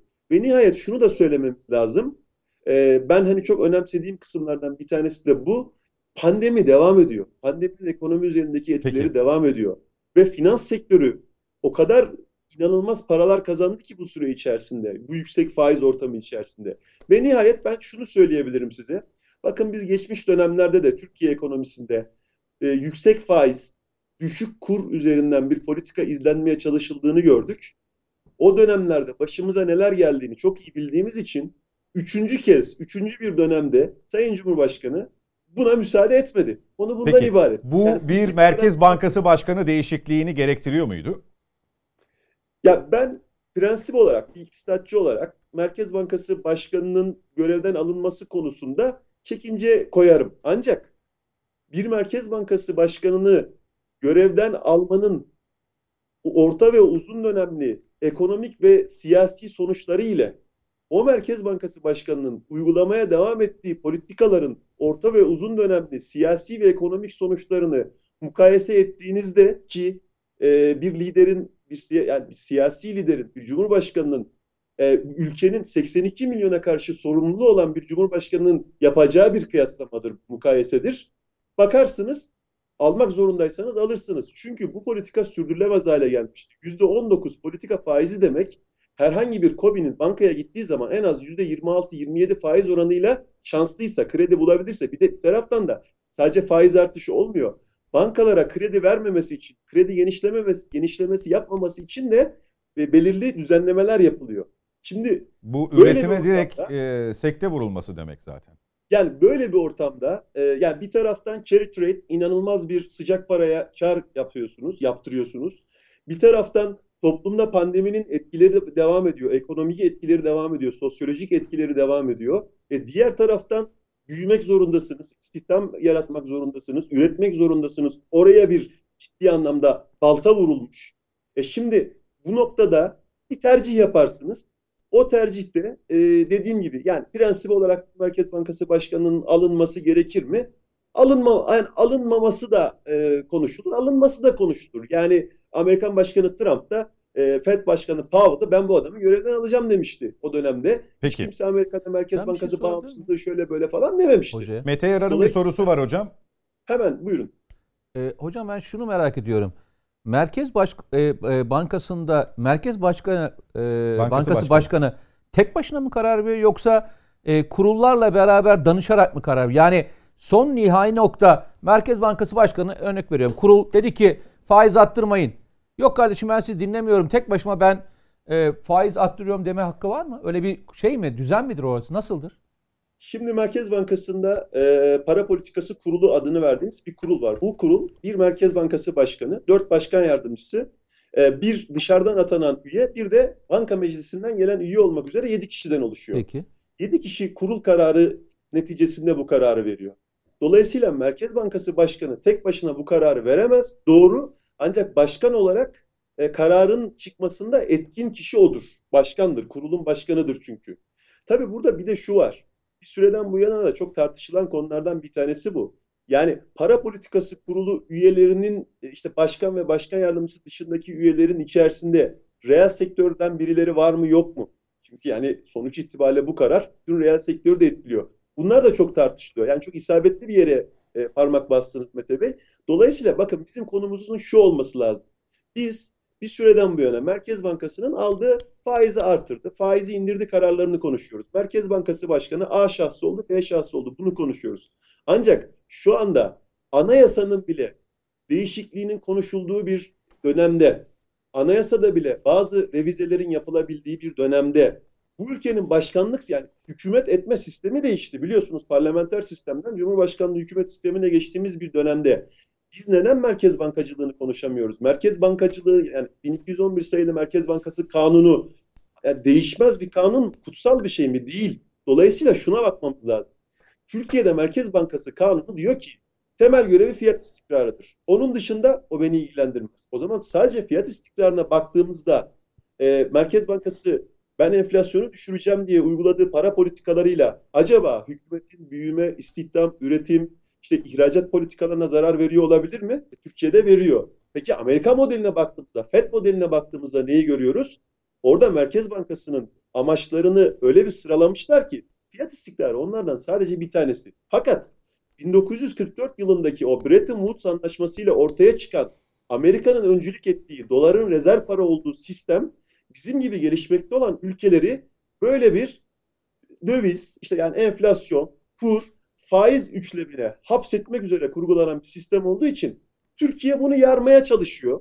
Dönem Peki. dönemde buna ilişkin adımlar atmaya çalışıyor. Ama bu sadece Merkez Bankası Başkanı'nın şahsında değil, topyekün merkez bankacılığı anlayışıyla e, ele almamız gereken konulardan bir tanesi. Biz Yeni Şafak'ta yazdığımız yazılarda, işte TVNet'teki programlarda ısrarla bunu vurguluyoruz. Başkanın kim olduğundan bağımsız olarak olmak üzere sizin sorduğunuz soru o kadar yerinde ki bu kurulların sistem, yapısı... Sistemden bahsetmemiz evet, gerekiyor aslında değil mi hocam? Nasıl alındı? Mesela ben vatandaş olarak şunu merak ediyorum. Merkez Bankası Para Politikası Kurulu üyeleri hangi yönde oy kullandılar? Hangi sahikle oy kullandılar? Yani gerekçelerini görmek istiyorum. Neden? Peki. Bir sonraki toplantıyı öngörebileyim.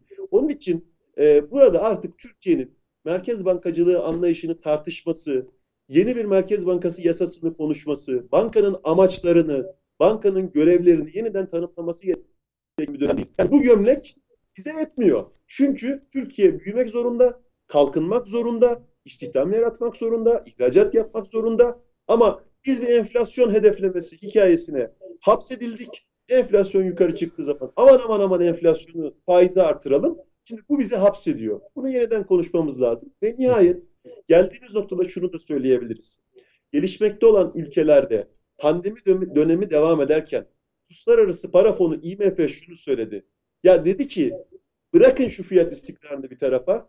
Önce biz hayatları kurtaralım. Ekonomik büyüme için gaza basalım. Öyle bir dönemden geçiyoruz ki biz sonra bunu telafi ederiz dediği bir dönemde biz en ortodoks iktisatçıların yani ana akım iktisadın en canlı savunucularının bile ya bu kadar da fazla dediği bir faize geldi. Dolayısıyla bu konu sadece faizin seviyesiyle ilgili değil, uygulanan politikaların orta ve uzun vadeli toplum üzerindeki sonuçlarıyla ilgili. Ben şunu düşünmüyorum. Sayın Cumhurbaşkanımız Toparlayalım Erdoğan, hocam lütfen. Ben şunu düşünmüyorum. Evet, ben şunu düşünmüyorum. Yani işte ileride bu bana oy kaybettirir falan diye Sayın Cumhurbaşkanı bu kararı almış değil. Önümüzdeki dönemde Türkiye'nin gireceği, girmesi gereken büyüme patikası, kalkınma politikası kapsamında Merkez Bankası şu anki politikalar, yani bugüne kadarki politikaları çok ciddi set çekiyordu. Belki bunun önüne geçmek için alınmış. Peki orta ve uzun vadeyi gösteren bir karar. Dolayısıyla çok böyle birkaç gün tartışılır. Benim şu anda önümde ekranlar açık işte takip ediyorum bir taraftan piyasayı. Öyle dolar 10 olacak, 20 olacak falan bunlara kanmayın. Türkiye çok büyük bir ülke. Türkiye batmak için çok büyük bir ülke. Hiçbir ülke Türkiye'nin batmasını göze alamaz. Hiç merak etmeyin. Türkiye bunları yönetir. Bunun biz çok daha kötülerini yönettik. Amerikan Başkanı Trump tweet attı Türkiye ekonomisine saldırdık diye. Dolayısıyla bunları çok daha biz sertlerini, kötülerini yönettik. Peki Bunda hocam. Bir şey. Önümüze bakalım. Yeter ki kurumlarımız bizim önümüze set çekmesin. Peki bu konuyla ilgili görüşü olan var mı? Kapatacağım. Yok. Ben sadece şunu ifade etmek istiyorum. Yani e, bir cümle. Kamu yönetiminde şeffaflık bence önemli. Yani bu tartıştığımız e, hem İstanbul e, Sözleşmesi'nin fesi hem de bu Merkez Bankası'nın başkanının görevden alınmasıyla ilgili yani Cumhurbaşkanı bu yetkiyi sonuçta kimden aldı bu yetkiyi? Vatandaştan aldı. Vatandaştan aldığı yetkiyle bu e, görevden almayı ya da o fesi e, gerçekleştirdi. Herkesin kafasında şimdi bu şu soru işaret var. Ya bu Merkez Bankası Başkanı neden görevden aldı? Bir sürü spekülasyon var şimdi.